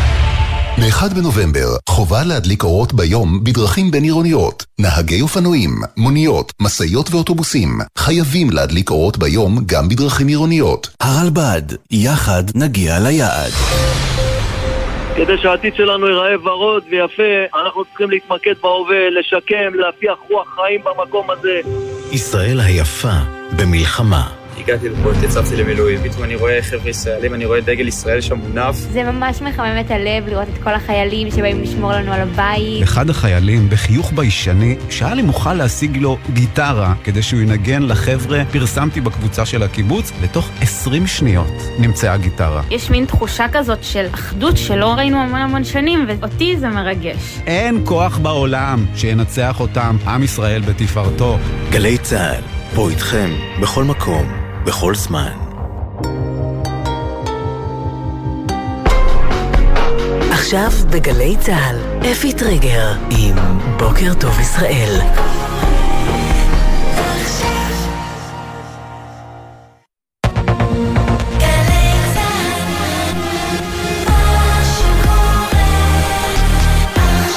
שבע בגלי צה"ל. מתאבלים ונלחמים. מהשיחה האחרונה שלנו, אמרת לי, הנה בשביל זה התגייסתי, לזה התאמנתי. שמונה מהחללים שנפלו בקרבות בצפון הרצועה הובאו אתמול למנוחות, עוד שבעה התאמנו היום. נשמע על הלוחם שאהב לצייר, על הארוס הטרי, הילד שהתייתם מאביו והפך לקצין גבעתי. נשוחח עם אמיר, אביו של סמל ראשון עדי ליאון, זכרו לברכה, שהובא אמש למנוחת עולמים. נלחמים ומתווכחים. אני חושב שמן הראוי לקיים את החלטת הקבינט. גלנט מוחה על החלטת שר האוצר שלא להעביר מיליארד שקל לרשות הפלסטינית. סמוטריץ' טוען שזה עלול להחמיר את הטרור ולפגוע ביציבות. גלנט אומר בדיוק, כתבנו המדיני יניר קוזין ידווח על העימות בין השרים. חולמים על בית הספר. מקום ששם עושים את ההדרכות לטיולים, אבל הפכו את זה לבית ספר. ניצולי קיבוץ בארי שמתאכסנים בים המלח הקימו בית ספר ארעי. כתבתנו יובל מילר שוחחה עם התלמידות שכבר חזרו לכיתות המאולתרות ומחכות לרגע שיהיו מוטרדות משיעורי בית. אין מה לעשות. בסופו של דבר כאילו צריך להרים עיניים ולהסתדר עם מה שיש בינתיים. זה החיים. בוקר טוב ישראל. בוקר טוב ישראל עם אפי טריגר. שלום לכם. הבוקר הותר לפרסום שמו של חלל צה"ל נוסף שנפל בעזה, סגן במילואים יובל זילבר, בן 25 מרמת גן, מפקד מחלקה בגדוד חי"ר 7007, חטיבת ירושלים. הודעה נמסרה למשפחתו. היום יובאו למנוחות שבעה מבין 17 החללים שנפלו מתחילת הכניסה הקרקעית לרצועת עזה. הלווייתו של רב סמל במילואים שלו שרעבי, בן 22, מטנא עומרים, תיארך ב-12 בצהריים בבית העלמין הצבאי ביבר שבע. את דרכם האחרונה יעשו גם ארבעת לוחמי גדוד צבר מגבעתי, שנפלו בתקרית פגיעת טיל הנ"ט ברכב נמר משוריין. סמל ליאור סימינוביץ', בן 19 מהרצליה, יובא למנוחות ב-11 לפני הצהריים בבית העלמין הצבאי בהרצליה. הלווייתו של סמל ראשון ארז משלובסקי, בן 20 מאורנית, תיארך ב-12 בצהריים בבית העלמין הצבאי קריית שאול בתל אביב. כעבור שעתיים התאמן שם סמל עידו עובדיה, בן 19 מתל אביב. סמל ראשון שי ארבס, בן 20 מחולון, יובא למנוחות בבית העלמין הצבאי בחולון בשלוש אחר הצהריים. סמל ראשון רועי דאווי, בן 20 מירושלים, יובא למנוחות באותה שעה בבית העלמין הצבאי בהר הרצל. אתמול, לינוי, אחותו התאומה של סמל עדי דנן מגדוד צבר, זיכרונו לברכה, ספדה לו בבית העלמין ביבנה. בשביעי לעשירי היינו צריכים ללכת לחגוג את יום ההולדת שלנו. הסתכלנו אחד על השני בזמן האזעקות, ואמרת שהפעם זה שונה. בצה"ל מתחקרים את התקרית שבה נפלו 11 לוחמי גבעתי. דובר צה"ל תת-אלוף דניאל הגרי אמר, אנחנו מפיקים לקחים, זה לא דומה לאירועי עבר. זה אירוע קשה, כואב מאוד. אנשים שילמו בחייהם, אנחנו מפיקים לקחים תוך כדי המלחמה, זה לא דומה לדברים אחרים שהיו בעבר. נדרש פה לימוד לפני שנגיד תשובות מהירות ונחרצות. הבוקר התחדש הירי לעוטף, התרעות צבע אדום הופעלו בשעה האחרונה בעוטף עזה לאחר יותר מעשר שעות ללא שיגורים. בגבול הצפון כוחות צה"ל חיסלו הלילה חוליית מחבלים בלבנון ששיגרה טיל קרקע אוויר לעבר כלי טיס מאויש מרחוק של צה"ל. לא נגרם נזק לכלי הטיס. בתוך כך זוהו הלילה מספר שיגורים משטח לבנון לעבר מרחב הרדוב והחרמון שנפלו בשטחים פתוחים ללא נפגעים בגוף. צה"ל פתח בתגובה בירי ארטילרי. נשיא ארצות הברית ג'ו ביידן קרא הלילה להפסקת אש הומניטרית כדי להוציא את החטופים משטח הרצועה. באירוע של מסע הבחירות שלו אמר ביידן, אני מי ששכנע את נתניהו לקרוא להפסקת אש כדי לשחרר את החטופים. בהמשך הלילה חזר בכיר בבית הלבן על דברי ביידן שלפיהם נתניהו השתכנע לקרוא להפסקת אש, זאת בניגוד לאמירותיו של ראש הממשלה בימים האחרונים שהפסקת אש אינה על הפרק. ביידן הדגיש באירוע, שלא מתועד בווידאו, כי הוא לא מדבר על הפסקת אש כללית אלא על הפוגה, המילה pause באנגלית לצורך שחרור החטופים. עוד בבית הלבן מכחישים הלילה את הדיווח באתר פוליטיקו שלפיו הנשיא ביידן מעריך כי הקריירה הפוליטית של ראש הממשלה נתניהו קרובה לסופה ואף אמר לו כך בפגישתם לפני כשבועיים. מהבית הלבן נמסר בתגובה הנושא לא נידון בעבר על ידי הנשיא ביידן ולא נידון כעת. אנחנו מתמקדים בטיפול במשבר הנוכחי. נשיא המדינה יצחק הרצוג אומר, אני מתחייב שמיטב המוחות עמלים במקצועיות ויסודיות על ביצוע חובתנו המוסרית כמדינה להשיב את החטופים הביתה. עוד אמר בנאום לאומה אמש, האויב מבקש ללבות שנאה בתוכנו בין אזרחים יהודים ואזרחים ערבים. אנחנו חייבים למגר כל תופעה של איבה, שנאה וגזענות כלפי קבוצות שונות בתוכנו. לזכור את עשרות האזרחים הערבים ששילמו בחייהם, הן בטבח הנורא והן בקרבות.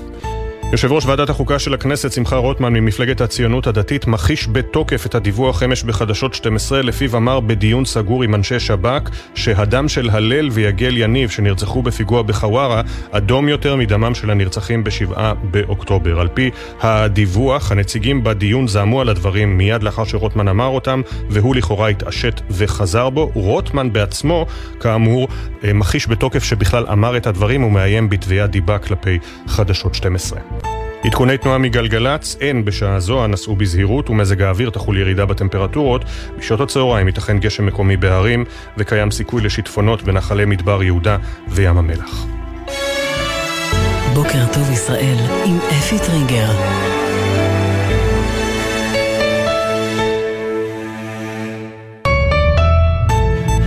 שבע אפס שש, היום ה-27 למלחמה, מחירים כבדים. בכירי מערכת הביטחון חזרו באוזנינו שוב ושוב על צמד המילים הגדולות הללו, כי למלחמה אכן יש מחירים כבדים. כמה רצינו להתבדות, להאמין שאלה רק מילים גדולות, אך יום אחר יום המילים הללו קורמות עור וגידים.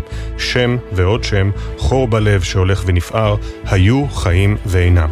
המפקד שהציע נישואים רק שבוע לפני פריצת המלחמה, הלוחם עם האור בעיניים שחלם להיות עיתונאי, הצייר המוכשר שתכנן לפתוח סטודיו לקעקועים, הלב מתקשה לגשר על הפער הבלתי נתפס בין תום הנעורים לבין המציאות האכזרית שהובילה לסוף המר. ובינתיים בצמרת משדרים מסרים מאחדים, אך ממשיכים בעימותים על תקציבים וענייני מדיניות. סיכום היממה האחרונה, יומן של מדינה שקולה, בקולות.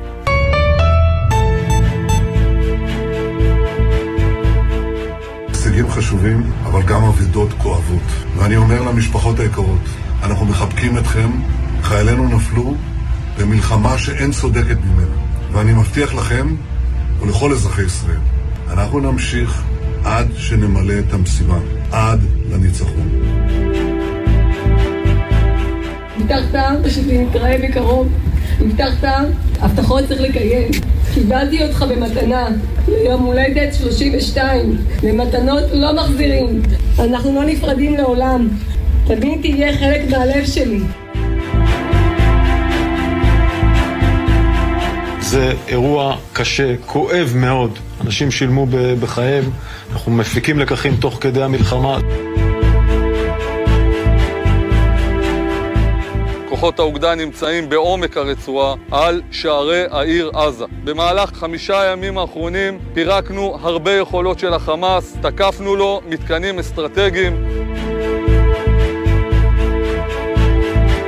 גם עכשיו, בתוך הערפל, ודווקא עכשיו, יש לנו את כוחה של התקווה. תקווה שהחיטה תצמח שוב ותצמיח את כולנו איתה, בקיבוצים, במושבים, בכל גווני העם ולכל רחבי הארץ.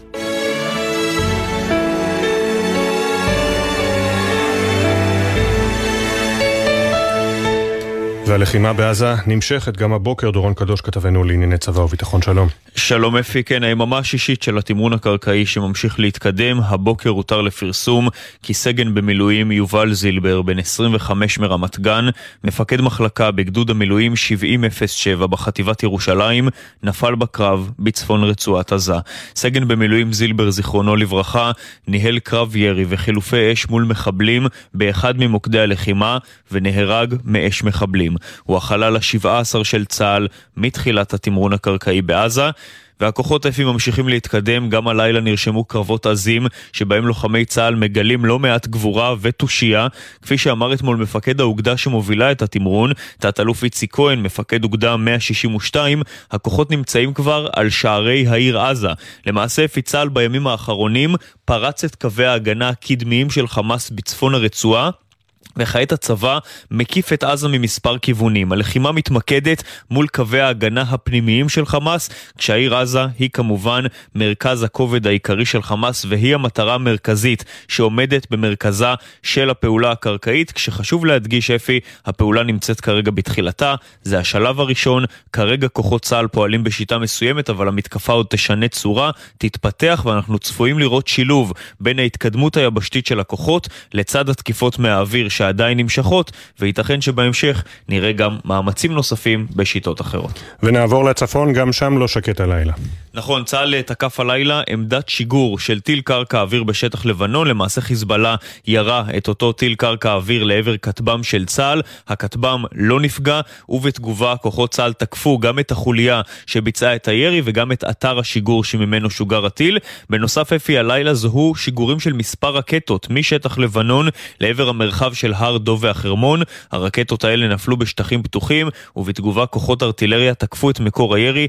אנחנו רואים גם ביממה האחרונה עוד ועוד אירועים בגבול לבנון, שממשיכים להתעצם ולהגדיל את ההיקף שלהם בהתאם להתקדמות התמרון הקרקעי ברצועה. תודה דורון. תודה. במהלך המשדר ובימים הקרובים נספר את סיפורם של החללים שנפלו בקרבות בעזה ובמותם ציוו לנו את החיים, ממש כך. אה, בנוסף לפינה שלנו מאחורי השמות שבה אנו מביאים מדי בוקר פיסה ממי שהיו כלל הנופלים והנרצחים מאז 7 באוקטובר, ננסה הבוקר לחלוק כבוד אחרון ללוחמים שעושים את דרכם האחרונה אחרי שנפלו בשטח האויב. אתמול התבשרנו על תקרית ירי הנ"ט לעבר רכב הנמר בקרבות בצפון רצועת עזה, אירוע שגבה את חייהם של 11 לוחמים מגדוד צבר בחטיבת גבעתי, בהם סמל ראשון עדי ליאון, בן 20 מנילי, זיכרונו לברכה. אמיר, אביו של עדי, מצטרף אלינו כעת, שלום לך. שלום. קודם כל אנחנו רוצים באמת כולנו כאן להשתתף בצער uh, המשפחה על uh, נפילתו של עדי. תודה רבה. ספר לנו על uh, עדי. עדי הוא הבן הבכור שלנו. אה, בעצם אה, בן יחיד, יש לנו עוד אה, שתי בנות. הוא גדל ביישוב מילי, הוא בעצם נולד וגדל ביישוב. הוא היה מכוון להתגייס לקרבי, לא הייתה בכלל שאלה לאן ללכת. במהלך השירות, זמן קצר לפני סיום מסלול, הוא אה, נפצע אה, וקצת שיבש לו את המסלול, היה אמור לצאת לפיקוד, אה, אה, הוא עבר אה, להדרכה וירד מלוחמה והוא התעקש אה, לחזור, שיקם את עצמו, אמר לנו שם אני מרגיש הכי טוב, אני, אני רוצה לחזור אה, להיות לוחם. ופשוט אה, עשה, היה כולו מכוון, עשה עשה את כל הדרך אה, להיות אה, במקום שהוא הרגיש אה, הכי נכון להיות בו ולצערנו זה יסתיים כמו שזה יסתיים. מתי דיברתם איתו בפעם האחרונה? התמזל מזלנו ובמהלך, בעצם הוא, הוא גויס, הוא היה ברגילה בשביעי לאוקטובר, בשבת הארורה הזאת, הוא היה בבית והוא הוקפץ חזרה ליחידה והתמזל מזלנו שבמשך, בשבועיים הראשונים הצלחנו בדרך לא דרך להגיע אליו שלוש פעמים ולבקר אותו פיזית, זה היה מאוד חשוב, זה היה חשוב גם לו וגם חשוב לנו. ובעצם הפעם האחרונה שהצלחנו לדבר איתו זה היה ביום שישי האחרון. הוא כתב לנו הודעת וואטסאפ מאוד מאוד קצרה בבוקר, משהו בסגנון זהו, זה היום, אני לא אהיה זמין. ואשתי נורית, באינסטינקטים של אימא, מיד עשתה שיחת וואטסאפ כזו קצרה, קבוצתית. הצלחנו לדבר איתו בדיוק דקה או שתיים, אמר לנו, אתם מבינים? אני לא אהיה זמין עכשיו. אנחנו עוד בנינו על זה שאולי נצליח להגיע אליו באותו יום שישי, אולי תהיה שוב דחייה. אמרנו, אחרי שדיברנו איתו, אמרנו בינינו, ממשיכים את יום שישי שלנו כרגיל, כאילו יש מצב שבערב ניסע שוב דרומה ואולי נצליח להיפגש איתו שוב, היו לנו עוד תקוות בלב, וכמובן הרבה חששות, אנחנו חיזקנו אותו לאורך כל הדרך הזאת, אנחנו גם ממנו קיבלנו כל הזמן שדר ש... של חוזק, של מקצועיות, שהוא יודע מה הוא עושה, שהוא, שהוא אה, נמצא במקום שבאמת הוא, הוא מבין למה הוא שמה ו- ורוצה גם להיות שמה ו- וזה בעצם הפעם האחרונה ששמענו אה, אותו, אבל ביום שני אה, חבר מאוד מאוד טוב אה, שלו מהיישוב שגם משרת אה, בגבעתי בגדוד אחר הצליח להתקשר להורים, הוא כנראה יצא מאזור הקרבות אה, חזרה והוא הצליח להרים טלפון להורים שלו ואמר להם תגידו להורים של עדי, אני יודע איפה עדי, הוא, הוא לא רחוק ממני, הכל בסדר איתו ונורא נורא שמחנו לשמוע את הדרישת שלום הקצרה הזאת גם אם הם לא נפגשו פיזית אבל יום אחרי זה התבשרנו בבשורה המרה אה, של מה שקרה. ובעצם מהרגע שהוא אומר לכם יום שישי אני כבר לא אהיה זמין, אתה מבין מן הסתם שמדובר בכניסה קרקעית.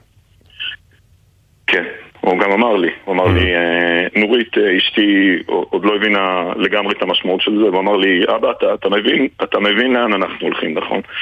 אמרתי לו, עדי, אני, אני הבנתי. זאת אומרת, הוא לא אמר במילים המפורשות מתחילה פלישה קרקעית, אבל הוא, הוא לגמרי כיוון לשם ואנחנו הבנו לגמרי מה הכוונה, הוא עוד ביקש מאיתנו, הוא... הוא, הוא אמר לנו כל הזמן, הרי יש דיווחים בתקשורת על ציוד חסר וכולי, ואנחנו, שגם כשנפגשנו איתו וגם כשיצאנו לדבר איתו, כל הזמן שאלנו אותו, תגיד, חסר לכם ציוד, אתם צריכים משהו?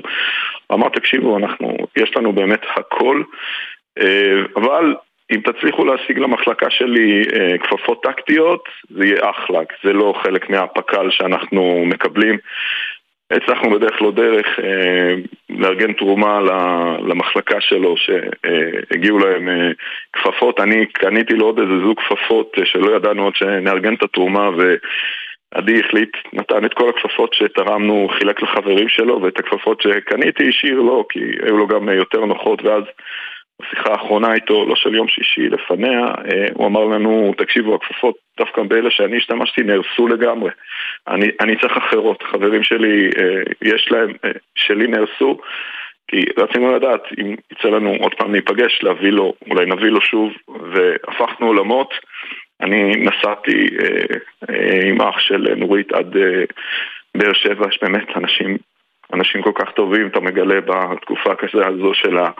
מדינה הצליחו לארגן איזה זוג כפפות, נסעתי באותו יום שישי אחרי שדיברנו איתו כי אנחנו עוד היינו במוד שאולי עוד נראה אותו שוב. הלכתי, הבאתי לו אה, אה, זוג כפפות, חשבתי אה, אולי עוד אה, ניפגש עם הילד. אה, אה, וזה לא קרה, הם אצלי אה, אה, זהו. אני מניח שחלק מהעניין הזה של לנסוע, להביא, לארגן תרומות והכל זה להעסיק את עצמך כן. אולי כדי לא לחשוב מה, מה עובר עליו בינתיים שם. נכון, אנחנו ניסינו כל התקופה הזאת גם לנהל שגרה של עבודה, גם אני וגם אשתי אה, ניסינו לנהל ממש שגרה של עבודה, ללכת, לחזור, אה, ככה להשיג את הראש בדברים אחרים, אבל תשמע, כשהילד שלך נמצא במקומות כאלה, אתה, המוח כל הזמן עובד, הפחד כל הזמן מחנן, אין מה לעשות, זה טבעי אה, להיות אה, בחרדה, אה, שהבן שלך, אתה יודע לאן הוא נכנס, או לאן צפוי להיכנס, אז זה היה צפוי להיכנס, כי כל הזמן זה נדחה ונדחה. ו... וההתחלה שלהם, שהוא גויס ביום שבת, בעצם שהוא הוקפץ ביום שבת, הם בעצם היו יומיים, הם הגיעו לכפר עזה בערב של שבת, והוא דיבר איתנו ביום שני אחרי שהם סיימו בכפר עזה. וזה היו יומיים קשוחים מאוד כנראה. הוא אמר לנו, אבא, אמא, אה, ראיתי דברים שאף אחד לא צריך לראות.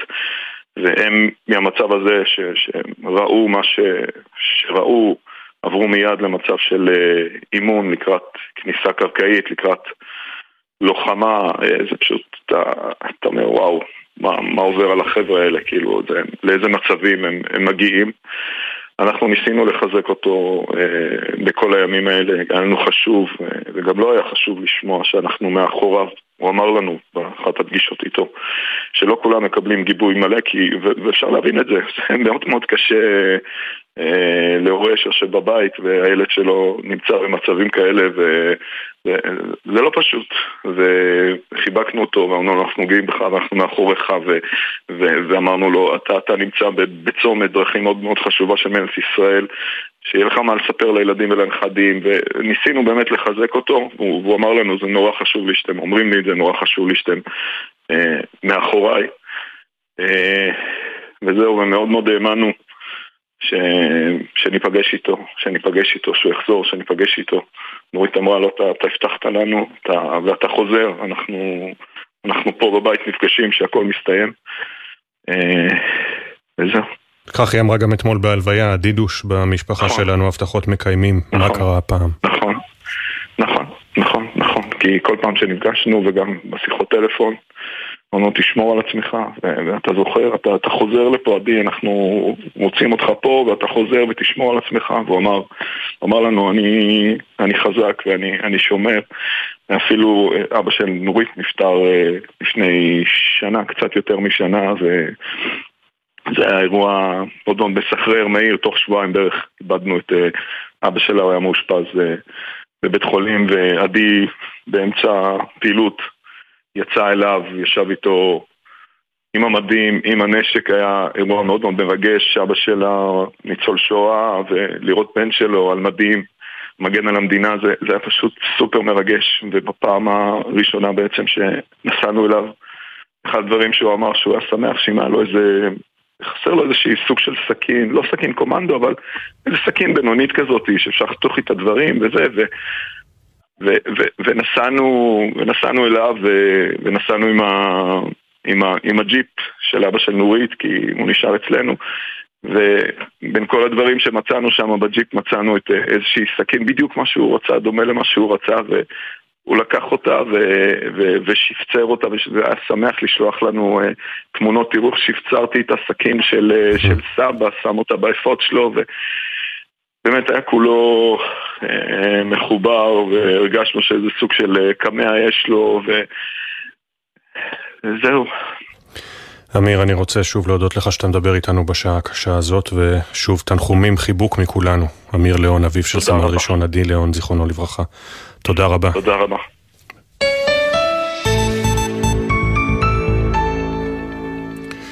7.22 אחרי השיחה קורעת הלב הזאת, אל האנשים שמנהלים את אה, המלחמה, ולמרבה הצער העימותים בין שרי ממשלה, לא פוסקים גם בשעת חירום. הייתם מצפים אולי שכשאחרי, כשהמדינה נמצאת במלחמה, מלחמת ה... הקוממיות השנייה שלה, כפי שהגדיר אותה ראש הממשלה, ההחלטות של מערכת הביטחון, של שר הביטחון, שגם ראש הממשלה תומך בהן, יתבצעו בלי בעיה. אבל אה, שר האוצר בצלאל סמוטריץ' ממשיך לסרב בתוקף להעביר לרשות הפלסטינית תקציב מיועד בסך מיליארד שקל, כספי מיסים שנגבו עבורם. הוא מקבל גיבוי גם מיושב ראש ועדת החוץ והביטחון יולי אדלשטיין מהליכוד. גלנט הפציר בו אמש שצריך לסייע לרשות למנוע טרור, בתגובה קיבל הרצאה כתובה מסמוטריץ' על כמה הוא טועה. כתבנו המדיני יניר קוזין, שלום. שלום, שלום אפי. כן, אז uh, בעצם הוויכוח הזה ניטש עדיין. Uh, אתמול uh, uh, שר הביטחון יואב גלנט בהצהרה שלו, או במסיבת העיתונאים שלו לתקשורת, אומר, יש להעביר את הכסף מיד לרשות הפלסטינית, אותם uh, מיסים שישראל גובה, וששר האוצר סמוטריץ' לא מוכן להעביר אותם בנקודה הזאת, ואחרי הקריאה הזאת של גלנט, סמוטריץ' משחרר uh, הודעה, אומר, אני מעריך את שר הביטחון, אבל הוא אומר, אני לא מתכוון לתת למדינת ישראל לממן את אויבינו ביהודה ושומרון, הרשות הפלסטינית היא לא הפתרון, היא חלק מהבעיה. לא חוזרים על טעויות וקונספציות שהתפוצצו לנו בפנים. למעשה, סמוטריץ' לא רוצה להעביר את הכספים הללו, והחשש במערכת הביטחון, וגם כפי שאמר שר הביטחון, זה מהידרדרות בשטח בעקבות העובדה שהכסף הזה לא יעבור. סמוטריץ' דורש דיון בקבינט. אנחנו מבינים שהערב, כשהקבינט יתכנס, הנושא הזה צפוי לעלות, ויכול להיות שהוא גם ייפטר שם, בלחץ של ראש הממשלה. אם זה לא יקרה, אפי, מחר צפוי להגיע לכאן שר החוץ של ארצות הברית, אנטוני בלינקן. אחד מהדברים שלו זה גם סיוע לרשות הפלסטינית, או מניעה של התפוצצות גם של אה, הרשות הפלסטינית, ולכן סביר מאוד להניח שהוא ילחץ שמה. אפרופו הביקור של בלינקן, הוא יבקר גם כאן וגם בירדן. עבור האמריקנים חשוב מאוד נושא שחרור האמריקנים בכל מקום שהם נמצאים, דאגה להם גם ביהודה ושומרון וגם בעזה, ולא מן הנמנע שחלק מהדברים שבלינקן יגיד כאן לראשי המערכת שלנו, זה סייעו לשחרר את האזרחים האמריקנים בתיאום מול המצרים, זה יהיה חלק מהעניין, כאמור בלינקן יגיע לכאן לישראל בפעם השלישית מאז החלה המלחמה. תודה יניר. תודה. ובינתיים אה, התבטאות מעניינת, שלא לומר לא בדיוק ברורה, של נשיא ארצות הברית אה, ג'ו ביידן אמש. למרבה הצער היא גם לא מתועדת בווידאו, אז קשה לנחש למה בדיוק הוא התכוון. הוא מדבר על pause, pause, הפוגה, עצירה, הקפאה של הלחימה כדי לשחרר את החטופים, וגם טוען ששכנע את ראש הממשלה נתניהו בזמנו, בתחילת המלחמה, לעצור את האש כדי להעביר סיוע הומניטרי ולשחרר את אה, החטופים, אה, וזה כמובן מנוגד להצהרות נתניהו בימים האחרונים, כתב חדשות החוץ ברק בטה שלום. שלום אפי, בדומה לדברים ששמענו בימים האחרונים מהבית הלבן, הנשיא ביידן אמר הלילה באירוע בחירות במינסוטה כי הוא מאמין שהגיע הזמן להפסקה הומניטרית בלחימה ברצועת עזה. במהלך האירוע התפרצה ג'סיקה רוזנברג, רבנית שישבה בקהל, והפצירה בנשיא לקרוא להפסקת אש. ביידן השיב כי הוא מבין את תחושותיה, אך אמר כי הוא מתכוון להפוגה זמנית על מנת לאפשר שחרור חטופים מרצועת עזה. נשיא ארצות הברית הסביר את דבריו ואמר שבשיחות עם ראש הממשלה נתניהו, הוא שכנע את ראש הממשלה לקרוא להפסקה הומניטרית בלחימה על מנת לאפשר שחרור אסירים מהרצועה. בבית הלבן התייחסו לדברים ואמרו כי הנשיא ביידן לא התכוון לאסירים, אלא לחטופים המוחזקים ברצועה. גורם בבית הלבן אמר לרשת ABC בתום האירוע כי הנשיא ביידן לא טעה כשאמר ששכנע את ראש הממשלה נתניהו לקרוא להפסקה בלחימה, וכי ביידן התייחס בין היתר גם לשחרור שתי החטופות האמריקניות מרצועת עזה מוקדם יותר החודש. האם אה, משבר הנתינים הזרים השוהים בעזה אה, מגיע לכדי אה, פתרון? מצרים אפשרה אתמול ל-400 אזרחים זרים לעבור לשטחה מהרצועה דרך מעבר רפיח, אחרי לחץ אמריקני כבד שנמשך שלושה שבועות. אלפי אזרחים זרים עדיין נמצאים ברצועה והיום בהדרגה תימשך יציאתם. השאלה, פרשננו לעניינים ערביים ג'קי חוגי, האם לישראל היה איזשהו צד בעניין הזה? בוקר טוב. שלום, לפי צד אה, קטן מאוד, ישראל בעצם לא מעורבת באופן ישיר. הסיפור הזה מראה בעיקר כמה אמריקאים מעורבים במלחמה בעזה, בעצם הם משחררים אותם. ששת אלפים אזרחים זרים שנתקעו ברצועה מראשית הלחימה. אתמול אחרי משא ומתן ארוך התחילו אה, להוציא לשטח מצרים חלק מהם, יצרו, יצאו ארבע מאות, היום יצאו עוד כמה מאות, וגם מחר, בשלב הראשון, אלף משוחררים. אלה אזרחים אה, אוסטרים, אוסטרליים, פינלנד, צ'כיה, אפילו יפנים, אמריקאים כמובן. נכון לעכשיו לא ברור מה יקרה עם אלה שיישארו פנימה, בערך חמשת אלפים, אבל השער נפתח פעם אחת וסביר שהוא ייפתח עוד. כל הששת אלפים האלה לא קשורים לחטופים. אה, גם ישראל, לשאלתך, היא לא צד ישיר בעניין הזה. רובם אזרחים פלסטינים בעלי אזרחות כפולה שבאו לבקר קרובי משפחה או לעבוד בעזה, אה, ויש ביניהם גם עובדים של ארגוני סיוע. זה היה תהליך ארוך כי שני הצדדים התנגדו. אה, חמאס סירבו לשחרר כי התייחסו אליהם כאל קלפי מיקוח. פיקוח, מדינות מערביות אז חשבו שיקבלו משהו, המצרים גם סירבו, הם טענו שהם פחדו לפתוח את השער כדי שלא יעברו אה, בשער גם אלפי אזרחים רגילים שאין להם בית והם עקורים בימים אלה, אז האמריקאים והקטרים עבדו על כל אחד בנפרד, הבית הלבן דיבר עם המצרים, קטר דיברה עם חמאס וככה שני הצדדים התרככו אחרי שלושה שבועות ויותר. תודה ג'קי. תודה. נועם, ליעד ואריאל היו תמיד ביחד כבר מגיל שלוש, חברי ילדות ירושלמים מבית הכרם. השלישייה הזו הייתה בלתי נפרדת, עד שאתמול נאלצו בדמעות להיפרד לעד, כאשר סרן אריאל רייך, קצין לוחם מגדוד 77 בחטיבה 7 של חיל השריון, הובא למנוחת עולמים. רייף נפל לצד סמל אסיף לוגר, זיכרונו לברכה, כאשר הטנק שלהם עלה על מטען בצפון הרצועה. כתבתנו בבירה נועה ברנס שמעה מחבריו על החוליה של הנצח תהיה חסרה. אריאל לא רצה להיות גיבור. היה לו הרבה מה להפסיד, במיוחד כששבוע לפני שפרצה המלחמה, הציע נישואין לנועה אהובתו.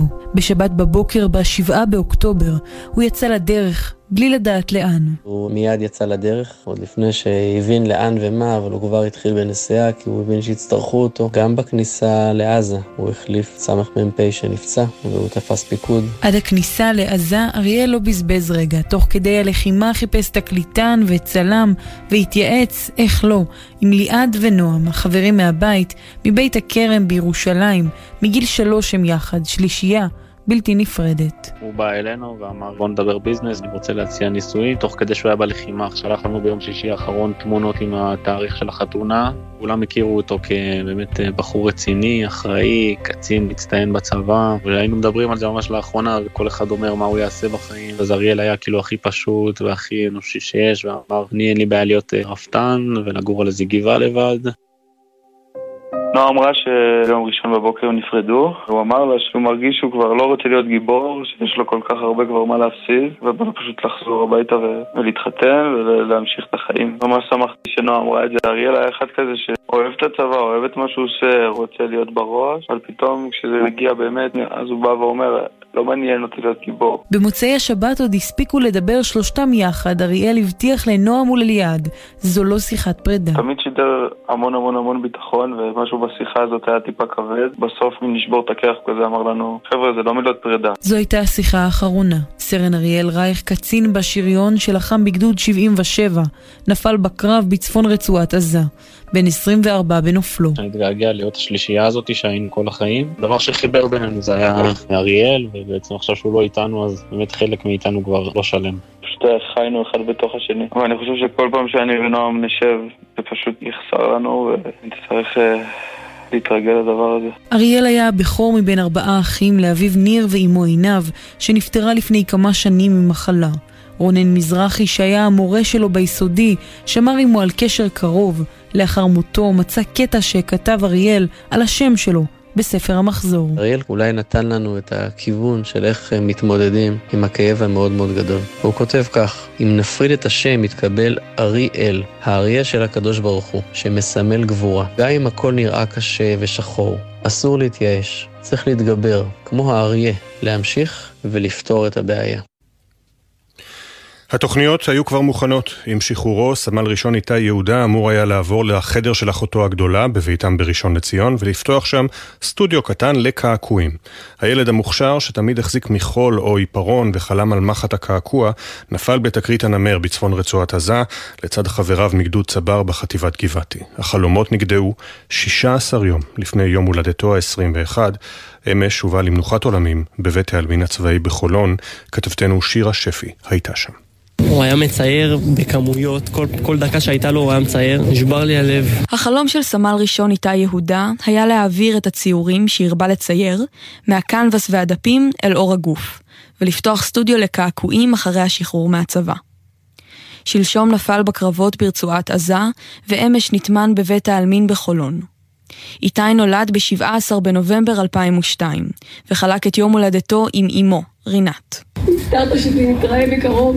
הבטחת, הבטחות צריך לקיים. קיבלתי אותך במתנה ליום הולדת 32. למתנות לא מחזירים. מהשיחה האחרונה שלנו, אמרת לי, הנה בשביל זה התגייסתי, לזה התאמנתי. אנחנו לא נפרדים לעולם. תמיד תהיה חלק מהלב שלי. איתי הצייר, שחלם לקעקע, היה בטוח בעצמו. ולדברי אחותו עדי, שחייכה דרך הדמעות, אפילו חשב שהוא יודע יותר טוב מכולם. היית אמור לעבור לחדר שלי, היו לך חלומות גדולים, לפתוח סטודיו, להשתחרר מהצבא. כל הזמן היית אומר לי ולא אומר, מה אתם קוראים את עצמכם ולומדים, בסוף אני ארוויח הכי הרבה, חושב שאתה יודע הכי טוב מכולם. אני אוכיח לכם בסוף. אתה אוהב את החיים, אהבת לחיות. שוחחנו עם יונתן, חברו הטוב של איתי, או יהודה, כמו שהוא היה קורא לו. יום יום היו מדברים, מחכים לחזור הביתה בסוף השבוע ולהיפגש. מהיום שראיתי אותו לא הפסקנו לדבר, כאילו, ממש ככה. לפני שבוע, ממש לפני שהוא נכנס לפעילות, הוא התקשר אליי בשיחת וידאו. והייתי ממש, הייתי בדיוק אחרי מקלחת, ישר עניתי לו אפילו, לא אכפת לי, רק שאני אוכל לראות אותו וזה. לפני חודש הוא עשה לי סקיצה. שהוא רצה לעשות לי קעקוע, אמרתי לו שיעשה לי סקיצה של איזה משהו שהוא חושב, שלח לי וזה, אמרתי לו, אתה הראשון שתקעקע אותי. איתי יהודה הותיר אחריו הורים, ארבעה אחים, אוהבים רבים, אין ספור יצירות וטיוטות, שכבר לא יהפכו ליצירה הסופית. עכשיו 733. סמל ראשון עדי ליאון, זיכרונו לברכה, לוחם בגדוד צבר בחטיבת גבעתי, נפל בתקרית הנ"ט ברכב הנמר בצפון הרצועה. אביו, אמיר, סיפר בבוקר טוב ישראל על בנו שחלם להיות לוחם ולא נתן לפציעה לעצור אותו. שם אני מרגיש הכי טוב, אני, אני רוצה לחזור אה, להיות לוחם. כל פעם שנפגשנו וגם בשיחות טלפון, אמרנו תשמור על עצמך, אתה זוכר, אתה חוזר לפה עדי, אנחנו מוצאים אותך פה, והוא אמר, אני חזק ואני שומר.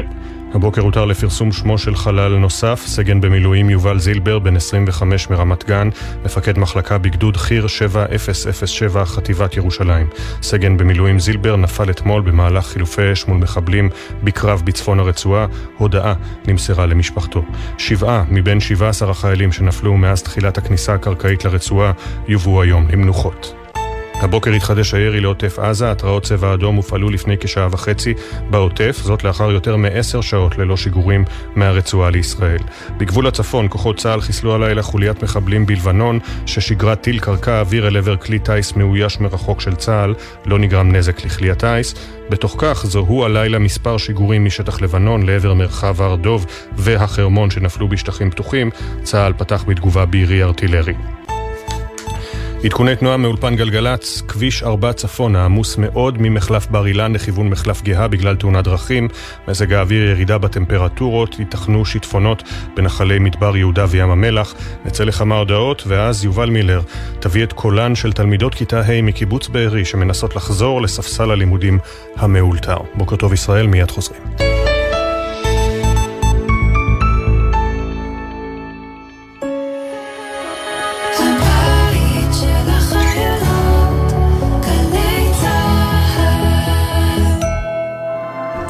ועובדים, יש לכם שאלה? אנחנו כאן בשבילכם.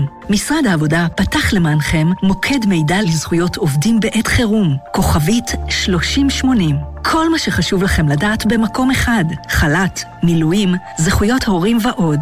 כוכבית 3080, מוקד זכויות עובדים בחירום, משרד העבודה. יחד ננצח. מוקד החירום של ההסתדרות פתוח לכלל הציבור, ונציגי המוקד מחכים לכם על הקו כדי לסייע לכם. אם פוניתם מביתכם, אם אתם זקוקים לסיוע נפשי, ובכל שאלה על זכויות עובדים בזמן מלחמה, המוקד עומד לרשותכם.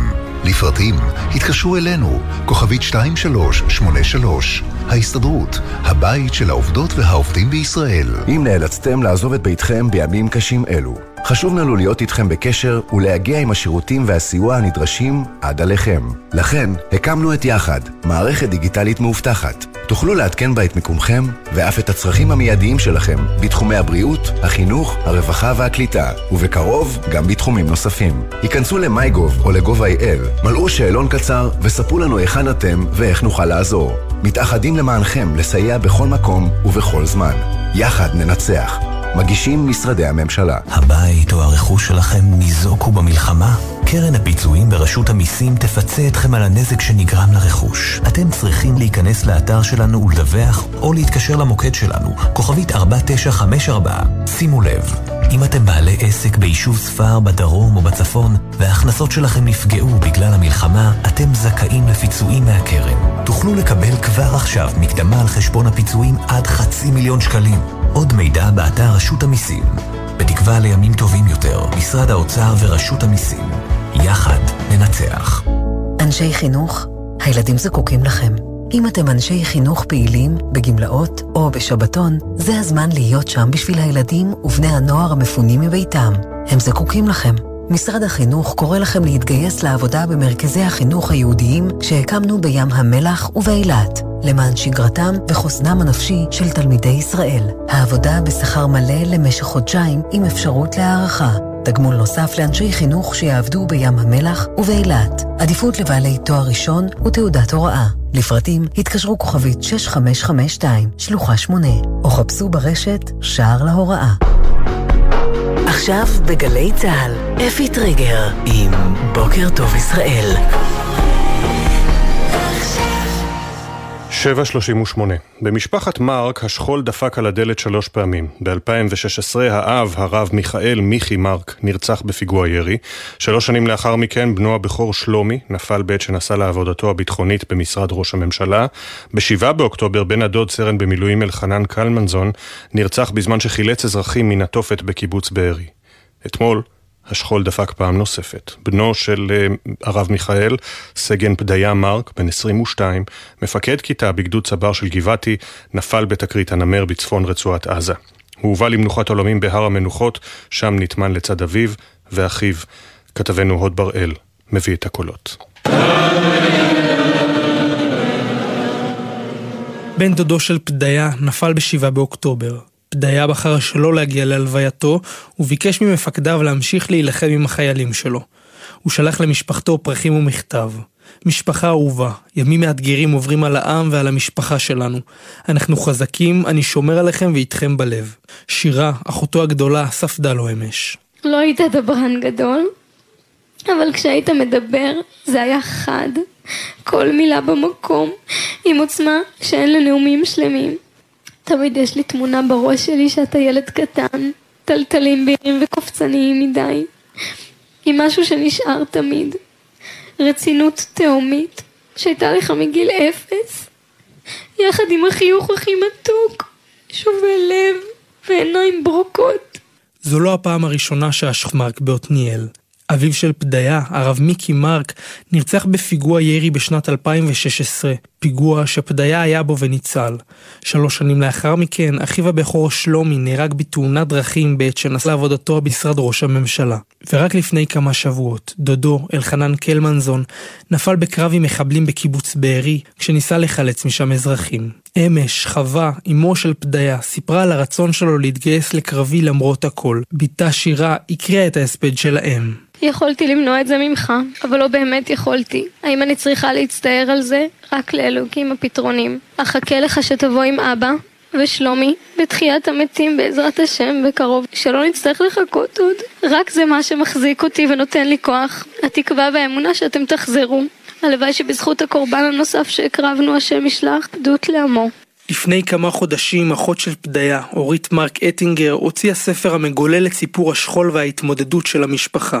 היא לא דמיינה שבקרוב כל כך הספר יספר רק חלק מהסיפור והכאב המשפחתי. לפני חודשיים כתבת לי ביום הולדת שלי ברכה, ובחלק ממנה כתבת, תמשיכי להוסיף טוב בעולם, שתצליחי בכל מה שאת רוצה, ושתצליחי גם לכאוב ולתת לכאב מקום, ומשם להמשיך ולצמוח. צוואה שכזו נתת לי, להמשיך לצמוח. אתה צמחת מהמקום הכי נמוך, נשארת עם אמונה ואהבה. לפני שנה וחצי פדיה כתב בפייסבוק צריך לומר למשפחות השכולות שבקרבן צמחו הגיבורים הקדושים אל תיכנעו למוות, תמשיכו לחיות מכוחם. משפחת מרק הגיבורה תמשיך להתמודד ולנסות לחיות מכוחם של מיקי, שלומי, אלחנן ועכשיו גם פדיה.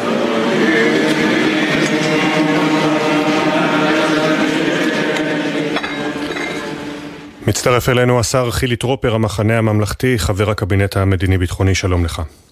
שלום, שלום. אנחנו אה, שומעים את הסיפורים של הנופלים, 17 נופלים, הבוקר הותר לפרסום אה, דבר נפילתו של חלל נוסף, אה, הקצין במילואים, והלב כואב. קודם כל, בוודאי, מה אתה רוצה לומר למשפחות? קודם כל כמובן לפתוח בתנחומים למשפחות, משפחת מרק ששמענו עליה עכשיו, את אורית אני מכיר היטב, והיא תמיד כשהיא דיברה איתי אחרי כל האסונות שהיא אמרה, היא אמרה שהיא מנסה להחזיק במילים שלה בקרן אור שבורה. ועכשיו היא שבורה עוד יותר אחרי שאיבדה גם את בדיה. והרבה מאוד משפחות שבורות לב יש בישראל, והלב שלנו נשבר קצת איתם.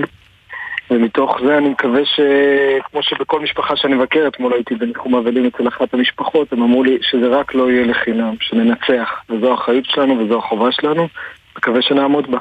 וכמו שהזהירו הרמטכ"ל וגם אה, ראשי המדינה, ימים קשים אה, וכואבים אה, מגיעים במלחמה הזו, כמו נפילת הלוחמים בשלשום.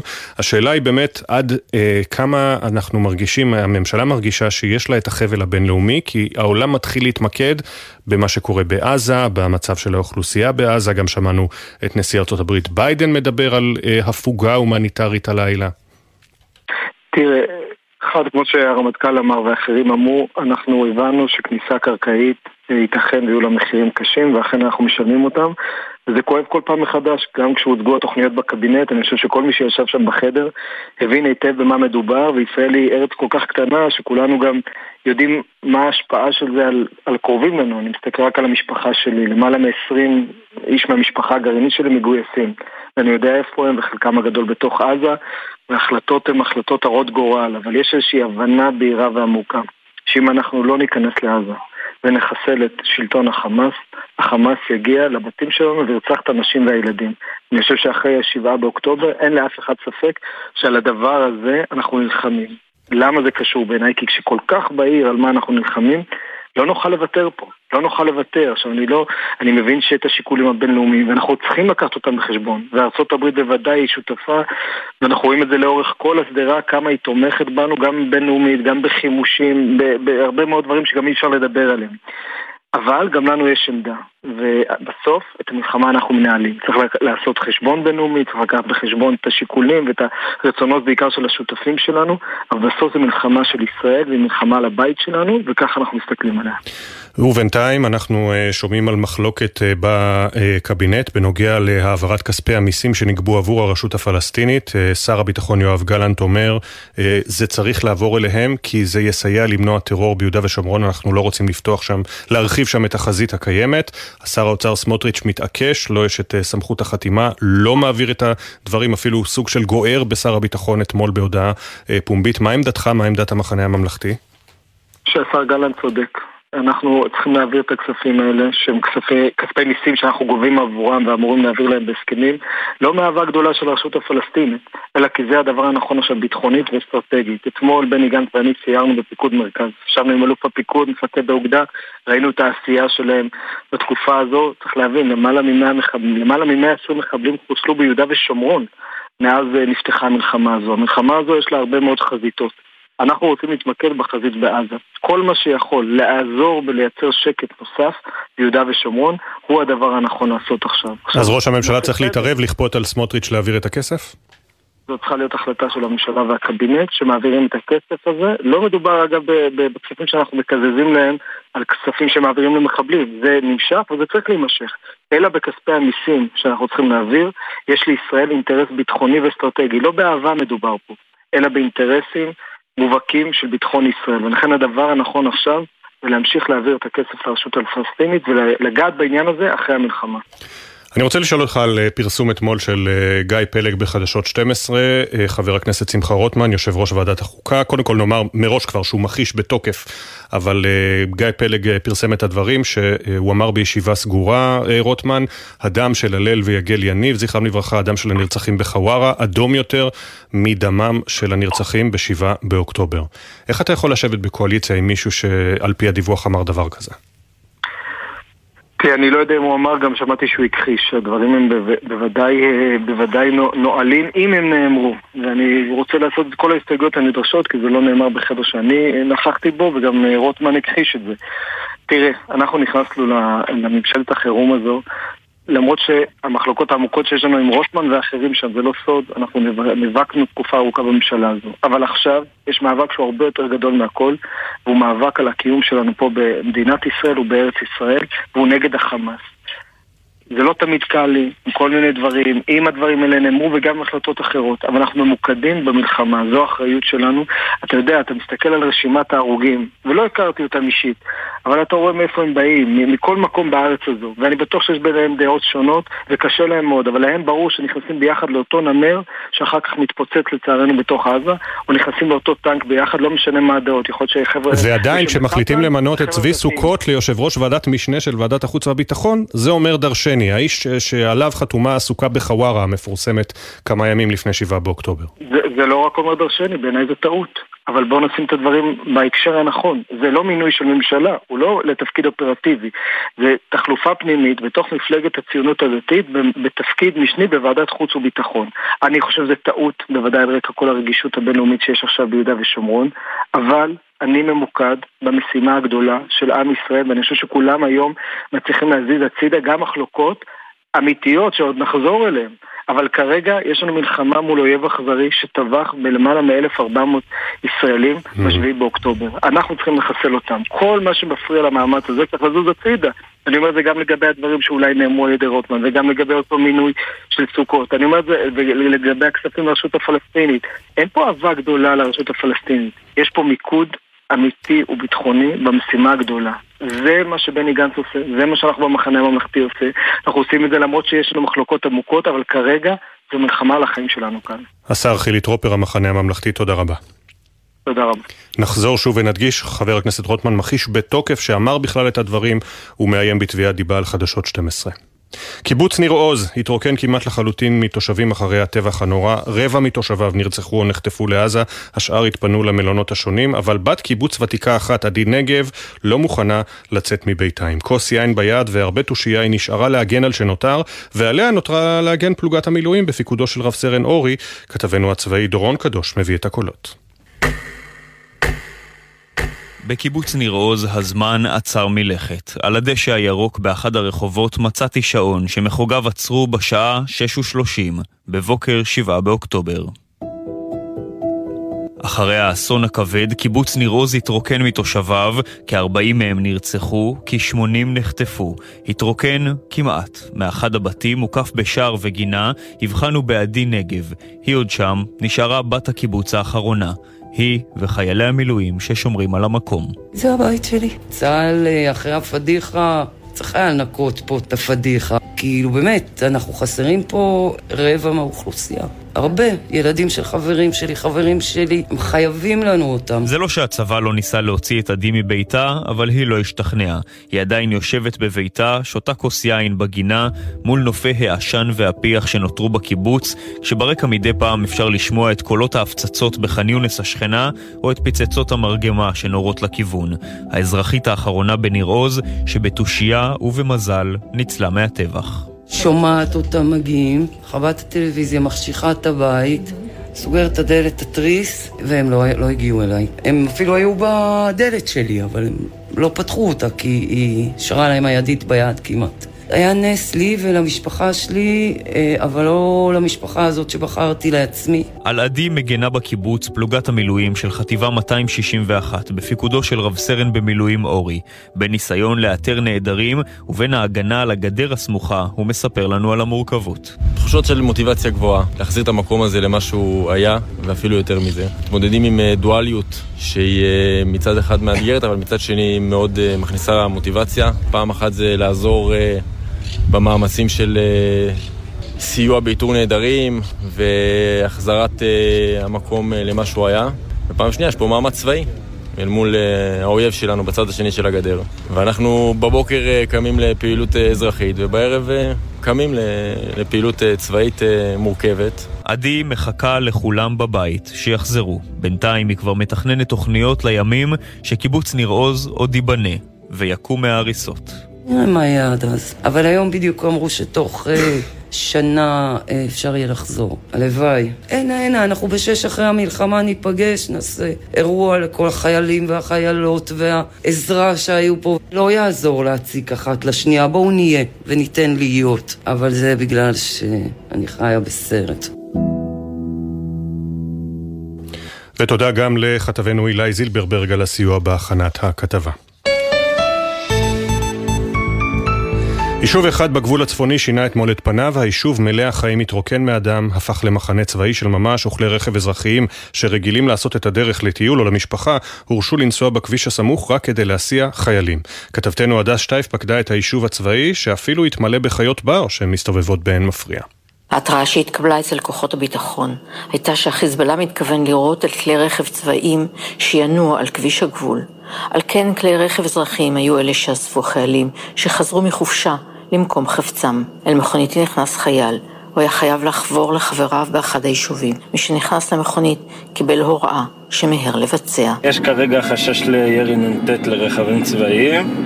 וכל חייל שהוא על רכב אזרחי חייב להוריד על חצי ב' בשביל שלא יפגעו בו. היישוב אליו הגענו, רוח רפאים. נראה יותר כמו בסיס צבאי. הרוסים לגמרי, יהיה תנועה שבורים, וגם כאן בתוך היישוב, כבישים שבורים. יהיה תנועה שבורים.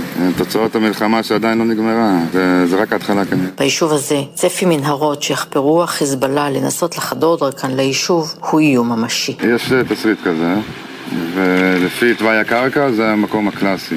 כי כאן יש הרבה פחות סלע מה... מעבר לקו הגבול, הקו שלנו זה אדמה שהיא יותר רכה ויותר נוחה לחפירה, בניגוד להר. בהר האדמה היא סילית, קשה לחפור, שומעים את החפירות.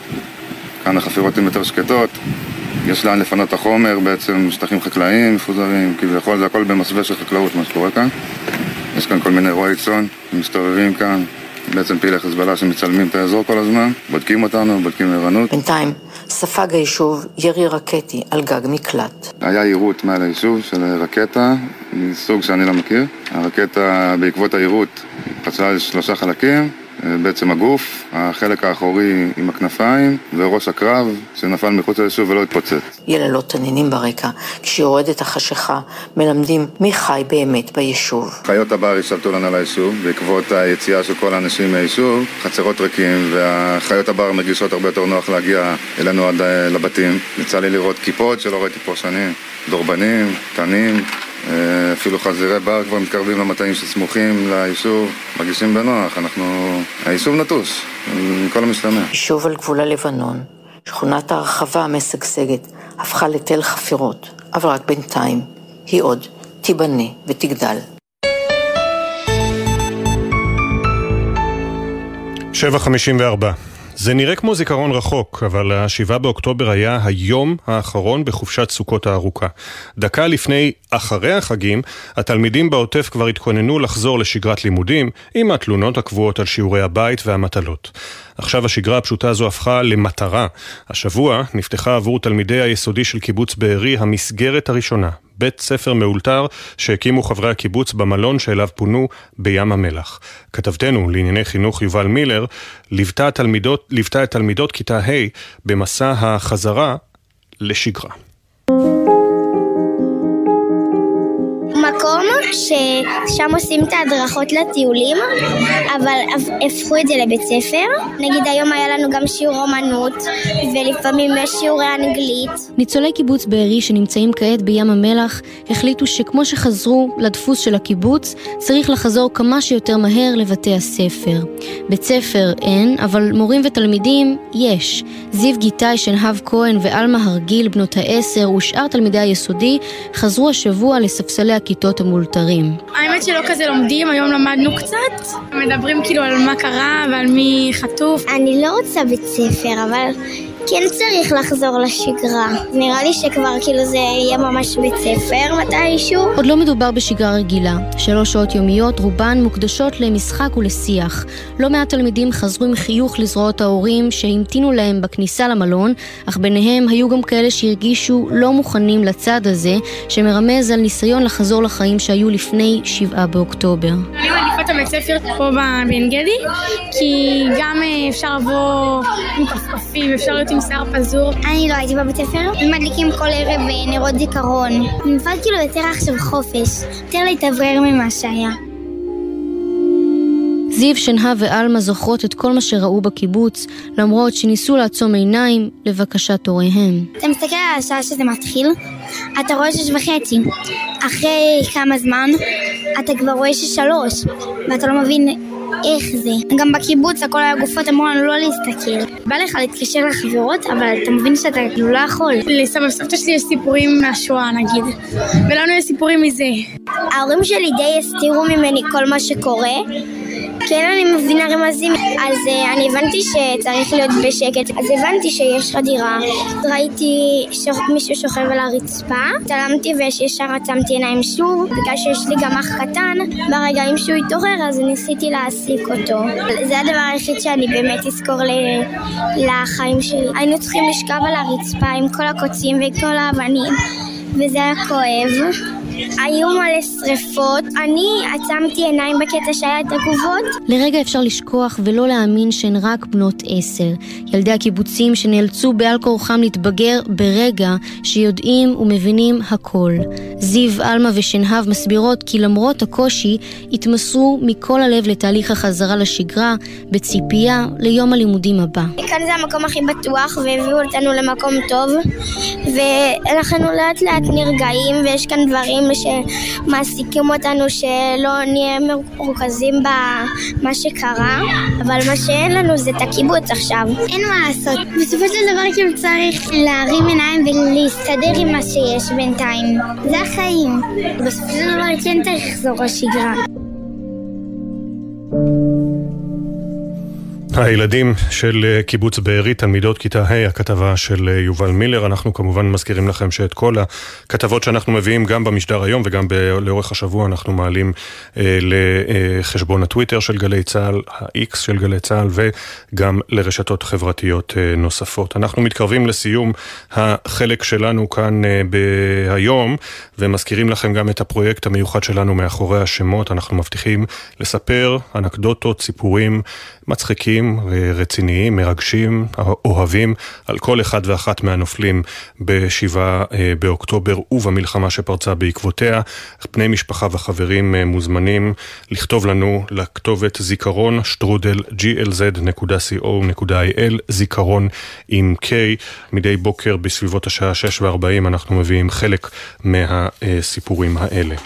את אה, בוקר טוב ישראל. במהדורת יום חמישי ערכה יעל חיימסון, עורכת המשנה אנה פינס, הפיקה נועה ארז, לצידה אורי שרון ושני שטיבלמן, על הביצוע הטכני ליאור רונן, בפיקוח הטכני עומר נחום, עורך הדיגיטל יוסי ריס, תודה גם למשה טורקיה. המשך שידורנו, אחרי כותרות שמונה, אילנה דיין, בעשר יהיה פה רזי ברקאי, מחר בוקר טוב ישראל, מהדורת סוף שבוע עם נורית קנטי, ושוב, בני משפחות שרוצים uh, להשתתף במיזם uh, מאחורי השמות, מוזמנים לשלוח לנו מייל לכתובת זיכרון, שטרודל glz.co.il, זיכרון עם K. אנחנו ניפגש פה שוב uh, ביום uh, ראשון בשש בבוקר, עוד יבואו ימים טובים יותר. בוקר טוב ישראל.